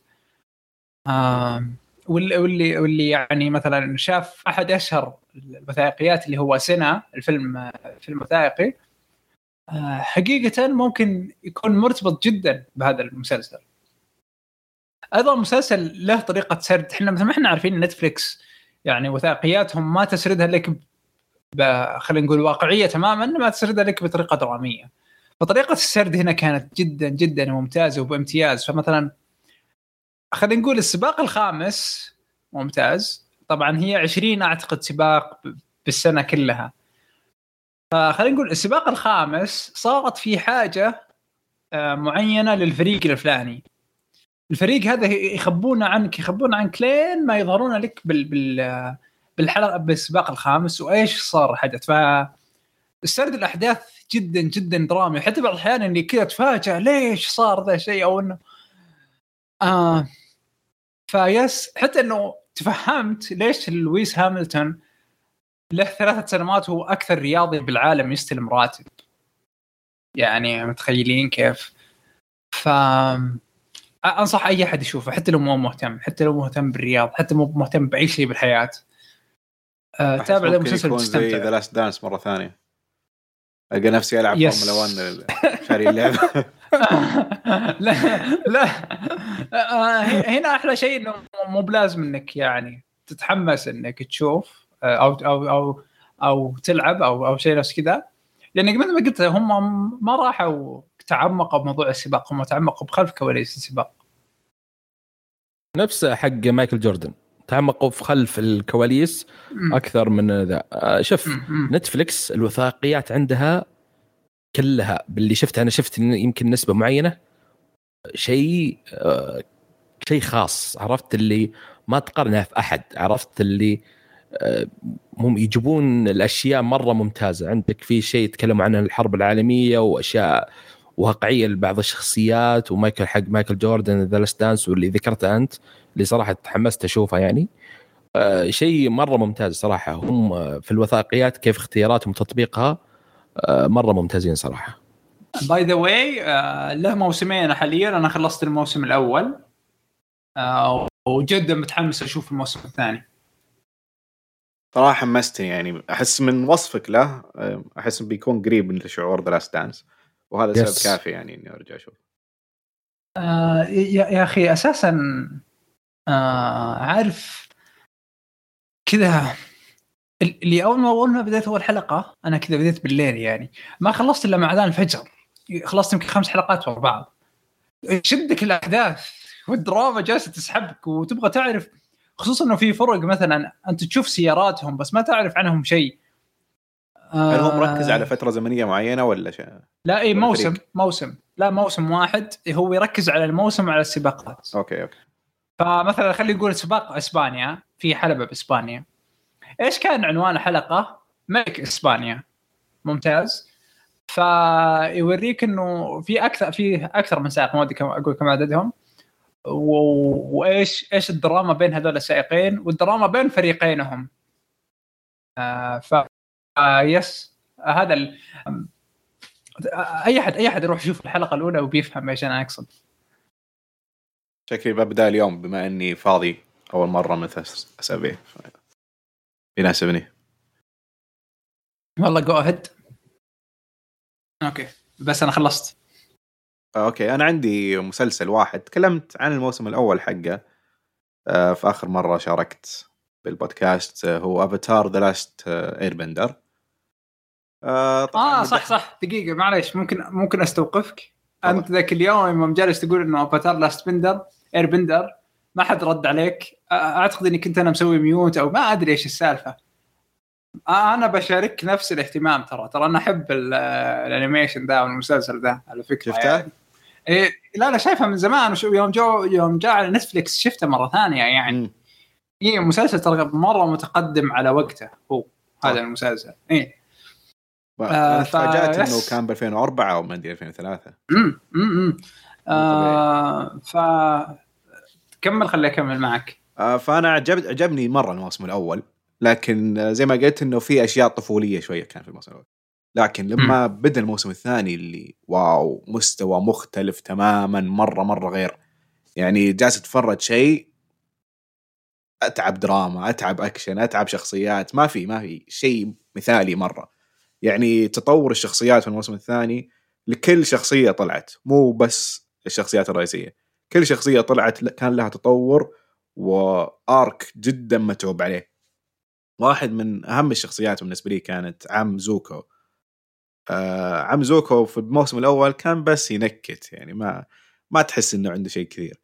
لكن مع الموسم الثاني اللي واو عطوه شخصية مو طبيعية حبيته حبيته مرة. وهذا الشيء يمشي على كل الشخصيات اللي وصل لمستوى المسلسل اللي ابدا ما تقدر تتوقعه في الموسم الأول. يعني ابدع ابدع صراحة من كان من أفضل المواسم صراحة بالموسم الثاني. آه وإلى الآن يعني أنا شفت الموسم الأول والثاني والثالث كله خلصت المسلسل لكن ابدا اعجابي في الموسم الثاني ما أعتقد إنه في شيء ثاني يشابهه إيش رأيك عبد العزيز؟ أنا طبعا خلصته كامل أتذكر. المواسم كلها. مم. أم الموس يعني عارف مشكلة مشكلة آه، أو أو هي ما أدري هي مشكلة ولا هذه طريقة ال- المسلسل نفسه بس هو كقصة آه، مو مو بعميقة ولا فيها متوقع. ولا ما فيها. هي جدا متوقعة القصة أساسا يعني هي عبارة عن مغامرة أكثر ما هي قصة ونروح إلى مكان إلى مكان إلى مكان إلى مكان. بس يعني تلاحظ إنه أنا بروح من A إلى B بس قبل A بوقف عند آه، أوقف أوقف أوقف أوقف لين ما أوصل B. طيب. فما هي ما هي ما هي بعقبات أكثر مما هي آه، بس اكتشاف. يعني كذا مشاركات أو اكتشاف. لكن بشكل عام آه، بعض الاحيان تكون جميلة آه، الموسم الثاني أو الثالث شوية زادت عن حدها حبتين. آه، حسيت إنه خلاص بنخلص يلا بليز آه، يوم كنت أشوفه بوقته ما حسيت بالإحساس بالعكس اللي مع كل حلقة أنا مستانس. لكن هنا لا. إني خلاص أنا بدي بدي أخلصه في فترة جيت كنت عارف بدي أخلصه شوف هو آه، لم- لم... حسيت ان. الاستكشاف كان أكثر في الموسم الأول لأن مم. الموسم الثاني تقريبا ثبتوا في مكان اللي هو كان ال Earth Kingdom وهناك صارت. القصة جدا اي صح سياسية صح كانت إيه، إيه، مفاجأة صح صح أنا هناك إيه. اللي في واحدة من الحلقات اللي صار في آه،. تعرفون مم. آه، فكرة Big Brother بس إن الحكومة تناظر. وأشياء زي كذا إيه، إيه. وتتحكم بالحلقات هذه كانت مطبقة في مسلسل أطفال. وش إيه إيه، صح صح. آه صح صح؟ معليش. أنا لخبطت بين الأول والثاني. صحيح صحيح. إيه. الثاني كله كان بال Earth. اي إلا ال Earth جد كان جدا سياسي وكان جدا صح. mature إيه. يعني حق كبار كذا مو إيه، بعكس الموسم أنا الأول. تفاجأت. يعني أوكي الموسم. الأول بالضبط زي ما قال عبد العزيز إنه وصل مرحلة اللي مستمتع لكن أبي القصة تمشي. بس الثاني كان مو.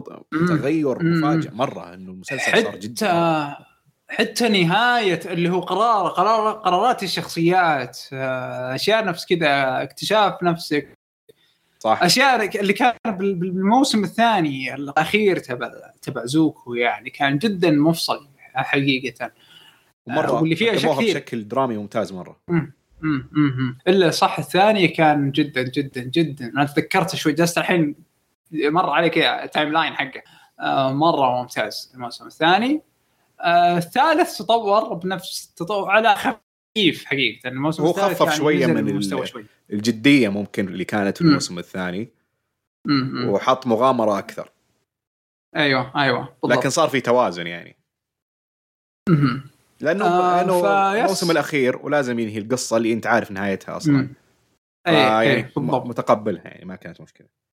لكن ال- اللي بعده ذا new حاجة The Legend of Korra آه شفته ولا ما شفته؟ أنا شفت لحد آه، هو خلصت أنا افاتار بوقت ال- اللي كنت مزحوم فيه فشفت حلقة مم. واحدة من The Legend of Korra أنت شفته ولا ما ما قد فتحت منه ولا شيء؟ ما فتحت منه ولا شيء أوكي الحلقة الأولى. تتفاجأ مفاجأة الدنيا. شيء ما بخرب عليك. أو خليني أقول يعني ما تفرق. المهم آه، أنا أنا حرقت على نفسي ترى رحت شفت صور. كيف؟ وشفت أشياء نفس كذا لا أنا حرقت على نفسي أنا أعرف أعرف ال concept حق Legend of Korra يعني خلاص آه. أنا إحنا عر... إحنا عرفنا عالم افاتار يعني وإيش يصير وإيه- هي في نفس العالم كورا- لكنه شخصيات جديدة. وأحداث جديدة وتقريبا عالم جديد. لكن أوكي، أوكي. ما أبي أحط تفاصيل إن أنا بالنسبة لي لما شفت المفاجأة اللي صارت في الموسم الجديد أو في المسلسل. الجديد. كانت بالنسبة لي نقلة كبيرة إنه أو ممكن أعتقد تقول إنه هي أساس العالم إنه العالم صار متقدم إيه إيه إيه صار إيه. متقدم أوكي يعني فأحس. عادي إنه ما فيها تخريب لاحد آه بس على طاري أفاتار كان في فيلم أو مسلسل مو متأكد اي فيلم على Netflix آه كان راحوا يسوونه يعني آه صحيح بس اللي صحيح. صار طلع اي طلع المخرج أو الكاتب ترى اي هم الكاتب الكاتبين الرئيسي. نفسهم حقين المسلسل. كانوا من المنتجين المسلسل نتفلكس. وكان في اتفاق بينهم ولكن في بداية السنة هذه آه طلعوا الكتاب وقالوا إنه اللي حيطلع من نتفلكس آه قريبا إحنا ما لنا علاقة فيه. أيوه أيوه. واضح إنه آه، يعني أحلى شيء بال- بال- بال- بالمسلسل نظيف. و Netflix رايحين يوسخونه. أيوه Netflix رايحين يوسخونه ترى أنا جاك العلم يعني. هو. ما تدري ممكن يعني. الخلاف اللي صار بينهم لأسباب كثيرة. ممكن منها هذا الشيء. ممكن إنهم مم. يبون يضيفون أشياء جديدة للقصة أو يطولون القصة. أيوه. أيوه ممكن. يعني أتوقع أسباب كثيرة. وممكن غالبا بما إنها Netflix إنه هذا يكون السبب. ترى على فكرة القصص دي الصغيرة والمغامرات الصغيرة هذه من آه، إيش تسمى؟ من الكرة يعني هو عبارة عن تجميع عالمية كذا. فمثلا الكورال أعتقد هو اسمه الكورال أو شيء التراث العالمي. فتلاحظ إنه في بعض القصص ممكن متشابهة مع قصص إحنا نعرفها أو شيء نفس كذا يعني. آه لو صح. بتلاحظ خص- خصوصا هي هم أكثر أكثر شيء ماخذينه من التراث الصيني يعني. البعض الأساطير والكلام. لكن في- في أشياء يعني أنت مكتشف إنه العالم كله تقريبا يتشارك بنفس التراث بطريقة أو بأخرى خصوصا من ناحية القصص يعني. فكثير من. القصص الأساطير القصص والأساطير هذه مأخوذة من العالم. فتلاحظ إنه في بعضها تحس إنك تعرفها يعني وانك سبق ومرت عليك صح. آه، من هذه القصص إيه. آه، بس ف- أعتقد هذا كان كلامي عن أفاتار. آه ما أقدر أنصح فيه كفاية. أي أحد يبغى يشوف مسلسل ممتع فجأة يصير واحد من أفضل المسلسلات اللي تشوفها بدون بدون ما تدري. آه لازم تشوفون افاتار جدا جدا رائع. آه خلصنا اليوم من ال... في أحد شاف شيء زيادة ولا خلاص؟ لا بس. طيب آه عندنا مسلسل الحلقة آه صراحة للأسف أنا ما شفت آه تابعت ممكن أول حلقة. بعدين وقفت ما كان عندي وقت صراحة. لكن الشباب مني يعطينا كذا مقدمة بسيطة عن ال- المسلسل؟ آه طيب. مسلسلنا لهذه الحلقة اللي هو من Netflix The Haunting of Bly Manor من Netflix من تسع حلقات. هو يعتبر الموسم الثاني المسلسل The Haunting of Hill House بس آه، قصص مختلفة وعوالم مختلفة. آه، تقييم آه، في IMDb 7.5 وفي Rotten Tomatoes 87% آه، القصة آه، بدون حرق يعني. حاولت ترى أقولها بدون حرق. وتقول القصة عن مربية آه، تنتقل آه، لمنزل أو قصر خلينا آه، نقول آه، لتربية آه، أطفال. آه، وبس. خلينا نقول كذا عشان ما أبي أحرق آه، لأن في IMDb لو تبي تجيبها في IMDb صراحة فيها حرق. بس آه، أنا حاولت أجيبها كذا بسيطة بس ترى القصة مي بسيطة يعني. القصة أعمق آه، من آه، من هذا اللي أنا قد ذكرته تمام من بطولة آه، فيكتوريا فيكتوريا هي نفسها اللي كانت في مثلت في الموسم الأول. فيكتوريا بيدريتي أتوقع أني ط- نطقت اسمها خطأ بس هذا أولها اسمها صح. كانت في الموسم الأول The Haunting of House كانت شخصيتها آه، نيل وهنا موجودة اللي هي المربية اللي هي داني آه، كيتلين كلارتن أو كولتن آه، موجودة في الموسم الثاني. طيب ما في إلا أنا شاف المسلسل ولا في أحد شاف أنا المسلسل؟ للأسف إني شفت منه حلقتين ونص. صراحة نعتذر لك انه هذه الحلقة آه، جت بوقت جدا مضغوطين فيه. آه، فعشان رأيي مو كامل فايش رأيك أقول بسرعة بعدين نتكلم؟ يلا. جو آه، صراحة أنا The Haunting of Hill House كان واحد من أفضل المسلسلات اللي سووها Netflix إذا ما كان أفضل مسلسل عندهم. المسلسل قدم الرعب بشكل جدا جدا ممتع وما خلاه الأساس. خلاه ال format اللي يقدم فيه قصة درامية عائلية نفسية مليانة جوانب كثيرة. بطابع رعب ممتع ممتع جدا. و توقعاتي ل The Bly Manor بما إنه من نفس الكاتب إنه يكون بنفس المستوى. آه لو ما أتذكر The Haunting of Hill House في أول ثلاث حلقات بما إني ما شفت ثلاث حلقات هنا. آه كانت البداية هناك صعبة شوية اللي ماني متقبل المسلسل إني ما أدري وش يبغى يوصل بالضبط. ومع الوقت لما تقبلته كنت جدا منبهر ومستمتع. لكن في البداية كان ابدا جالس استد... تحاول أتغصب المسلسل. وفعلا يعني كانت يمكن بداية المسلسل مرة صعبة بالنسبة لي. لكن هنا ما أدري هل هو التقديم لهم كان أفضل ولا بسبب رأيي عن الموسم الماضي. لكن هنا بالعكس تماما. إني من شغلت المسلسل وأنا مرة متحمس متحمس لكل لحظة في المسلسل. وجالس أناظر وأترقب كل التفاصيل. كل كلمة يقولونها كل شخصية أركز فيها. كل حدث يصير في الخلفية مرة انتبه له. لاحظت في الحلقة الأولى إنه عندهم تركيز كبير مرة على التصوير.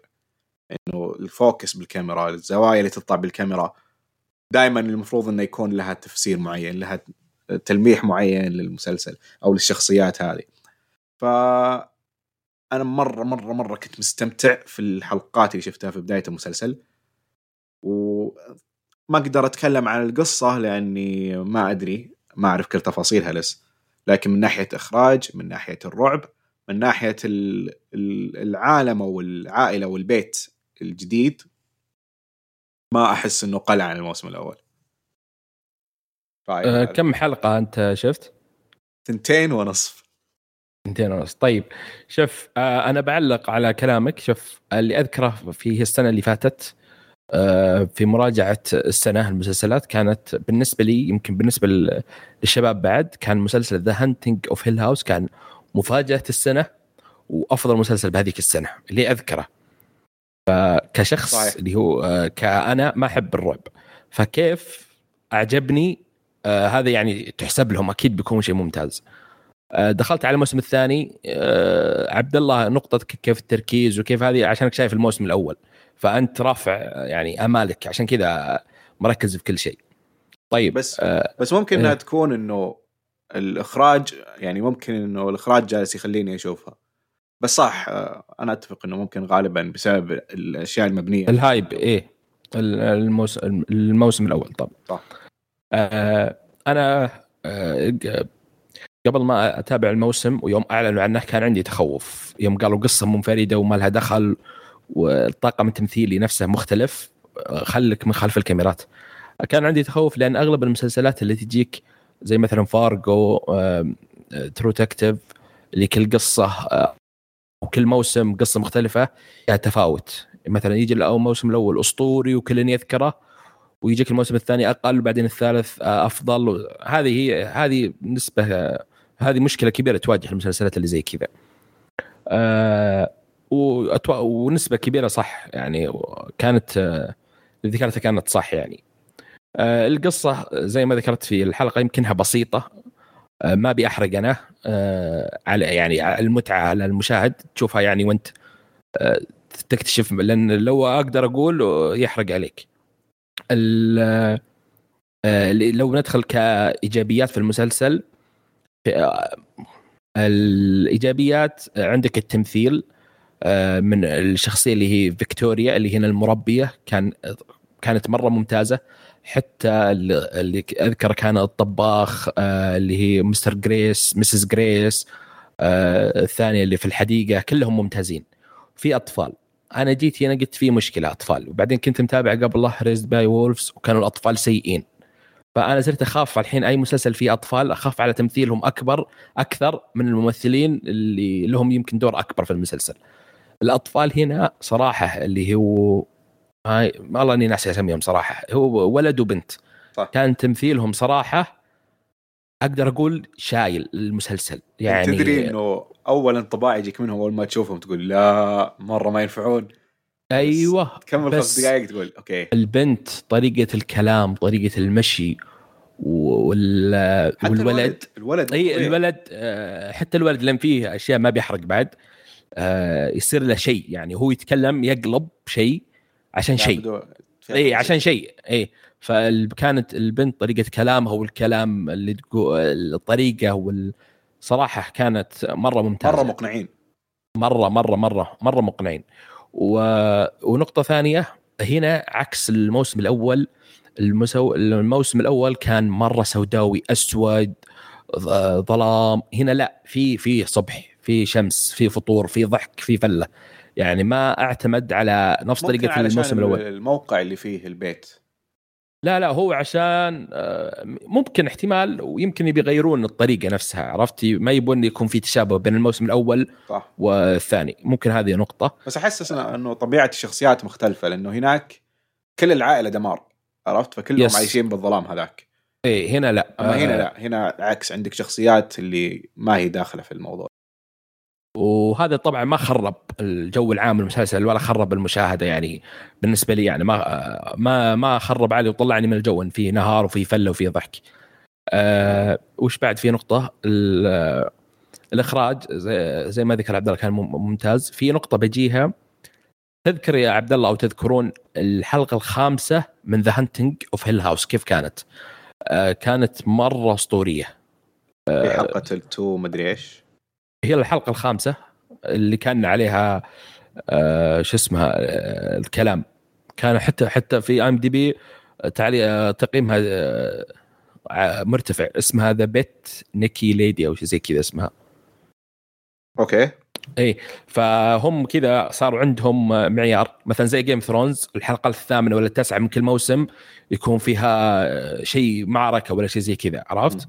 صح. فالموسم الأول كانت مرة ممتازة الثاني آه، مرة ممتازة. مو بنفس جودة الموسم الأول الحلقة الخامسة بس تظل ممتازة. طريقة الإنتاج فيها أو الإخراج فيها كانت عن شخصية معينة ما- راح أذكر من هي بس بينت أشياء وكانت مرة ممتازة.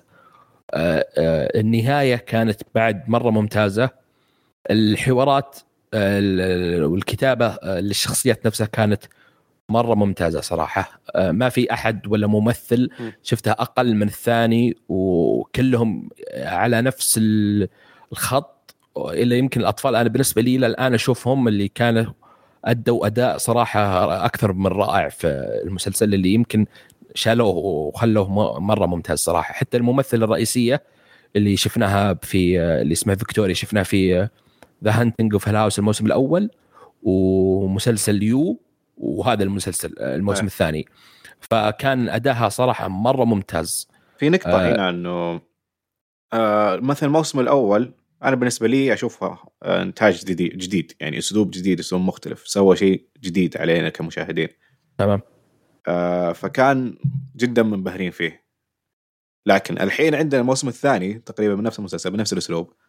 لما نقارنه في الموسم الأول لأن صار عندنا الحين نقطة نقارنه فيها. قديش هو ممتاز بالمقارنه من شوف لو بعطي الأول عشر أنا شو قلت لها أول؟ 10 من 10 مم. ولا غلطة بالنسبة لي أنا كخالد. هذا لا أعطيه ثمانية. ليش؟ لأن ليش؟ آه القصة هنا آه، أشباح. خليني بقولها كذا مي مي بحرق أشباح. بس ما راح أقول أقول ليش وكيف وما.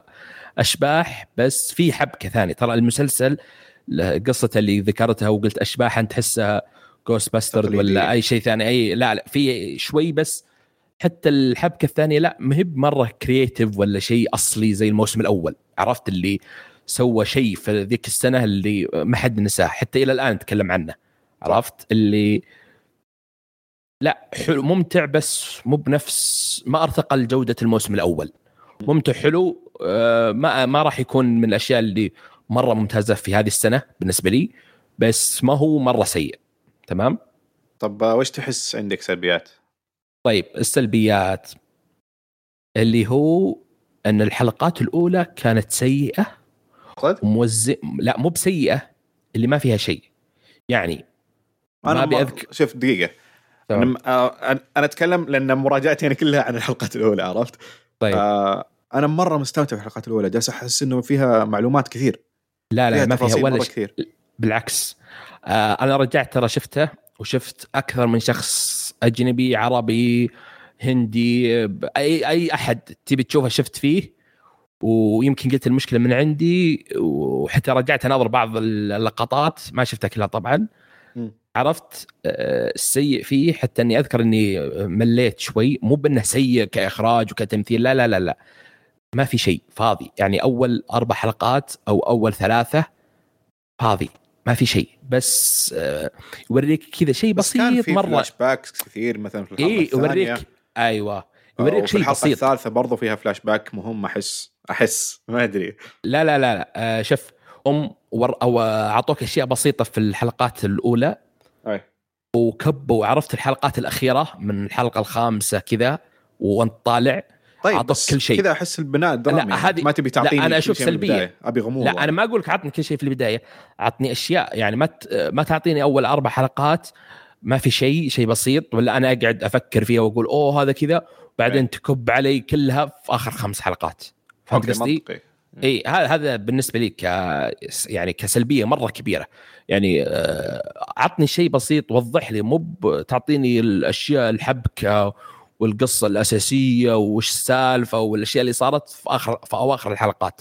ما أبي أقول رقم الحلقات ولا شيء في أواخرها. أوكي. آه، هذه يحسسني بال كان ضعف كتابة أي، وضعف في الأحداث. كان هذا إيه. هو الزبدة حقتهم وما عندهم شيء ثاني تحس كذا. أيوه أيوه هذه يعني لو إنكم مختصرين بدل تسع حلقات أقل ستة مثلا بقول إيه بتفهم. ست حلقات وكذا كذا بس ما تعطيني تسع حلقات وكلها كذا. آه هذه من السلبيه ناحية الشخصيات هل تحس إنه شخصيات بعمق الموسم الأول أو The Haunting of Hill House لا لا شوف شوف شفت المعيار حق الموسم الأول. من ناحية الكتابة والشخصيات وال أنا هذا شيء والحبكة. مرة متخوف منه اي لا هنا انزل شوي أي. انزل بس شيء يعني بسيط شوف مثل ما تكلمنا في البداية لما قلت إنه المسلسل الأول كان سوداوي أكثر إيه. وقلت لك إنه هو أو قلت لك أنا إنه الشخصيات في الموسم الأول كانت هي نفسها سوداوية كلها عايشة بظلام. أما يس. هنا لا. هنا الشخصيات في عندها غموض لكن ما أحسها عايشة بظلام ما أحسها سوداوية. لا لا في سوداوية. في سوداوية بس بنفس درجة الأول ولا أقل؟ آه لا لا في في سوداوية. ما أبي أقول كيف بس في سوداوية بس بالجو العام زي ما ذكرت أنا أتوقع هذه يبون يحطون آه خلينا نقول آه، فرق. آه لأن سمعت خبر بعد من شبكة مدري من الكاتب إنهم بيخلون هذا المسلسل نفس American Horror Story حق FX كل موسم قصة مختلفة وكذا بيخلون هذه زي جميل. السلسلة عرفت ف حلو. أنا أشوف الحركة هذه إيه، إيه، مثلا تذكر زي انت يا عبد الله تذكر الموسم الأول كيف السوداوية المذك... الموسم الثاني كان لا فرايحي بس في سوداوية الم... الموسم الثالث يتميز بشيء ثاني زي كذا أي صح ف. أنت شوف يعطيهم حرية أكبر يس وخليك تفرق ويميز الموسم نفسه صح. آه أنت خذ أي شيء في الموسم الأول ونزل شيء بسيط عنه يعني. آه من ناحية الكتابة. آه، والتمثيل وكذا يعني إذا كان آه. الموسم الأول بالنسبة لي كان رائع جدا فهذا بيكون ممتاز أيوه زي كذا إذا كان 10 8 8 ونص 7 7 ونص زي كذا آه زي ما قلت ال- الحلقات اللي ذكرتها والكتابة وملل بعض الأحيان بس هذه إلى الآن هذه السلبيات الموجودة حلو. يعني في شيء ثاني تق- تبي تضيفه على المسلسل؟ ودي بس حرق وبتطول الحلقة. فأي آه. أحد تابع المسلسل ويتفق شاركونا في التعليقات يعني. آه، مرة ثانية. آه، وعندي بس حابين- نقطة معليش. آه تفضل. الموسم هذا آه، في اختلاف عن الموسم الأول. هنا يعتمد آه، بشكل أساسي. لا هنا حرق. لا ما أدري. آه، لا لا لا جمب سكيز ويعتمد أكثر على العلاقة. دام فيها حرق خلاص لا تقول لأني خايف ما أدري صراحة. إيه،. فخلاص. آه، ممكن ممكن لأنه مرة ثانية حاب أعتذر إنه فعلا المسلسل جاب وقت جدا صعب على الفريق تقريبا كلنا كنا مشغولين. آه، فما قدرنا نشوف المسلسل ما قدرنا نخلص المسلسل. آه، لكن إن شاء الله إنه إذا كان عندنا تعليقات أكثر من اللي قلنا أنا وخالد اليوم آه، حنشارككم فيها الحلقة الجاية وأتمنى منكم كلكم إنه اللي شافوا المسلسل وعجبهم وما عجبهم أي تعليق عندك ممكن يا ريت تشاركنا فيه وعشان نتكلم عن المسلسل أكثر بشكل أكبر في الحلقات الجاية. آه فنرجع للمسلسل وكلمه اخيره خالد وش رأيك في المسلسل؟ تنصح ولا ما آه، تنصح؟ شوف إذا أنت تابعت الموسم الأول أكيد لازم تتابع الموسم الثاني أكيد هذا شيء يعني آه، زي اللي يتابع مثلا True Detective لازم يتابع الموسم الثاني ولا فارجو بس آه، لا ترفع آمالك ولا تخليها نازل ادخل عادي. لو تقدر يعني واستمتع يعني. آه طيب آه، المسلسل فيه مشاهد مخلة؟ yes ألفاظ نابيه yes ينفع المشاهده الجماعية مو العائلية؟ آه، العائلية؟ لا الجماعيه لا، العائلية، بس ممكن. الجماعية متأكد إنه ينفع. إيه إيه إيه ينفع الرعب مرة. يعني يونس. yes آه في باقي أسئلة ثانية أنا ناسيها؟ آه لا بس ينفع مين مين ينفع له اللي شاف الموسم الأول. آه طب صح هذا سؤال مهم. آه في أحد ما شاف المسلسل الأول لكن شاف هذا بعد دعايات Netflix قال okay خليني أشوفه. إي بس عادي. عادي مرة ينفع. مرة ما ما له ما في أي دخل ولا بنقطة كذا 0.0 في الموسم الأول. مرة. آه okay. آه هذه كانت حلقتنا مقدمنا للحلقة هذه سحب علينا. يعطيك العافية عبد العزيز.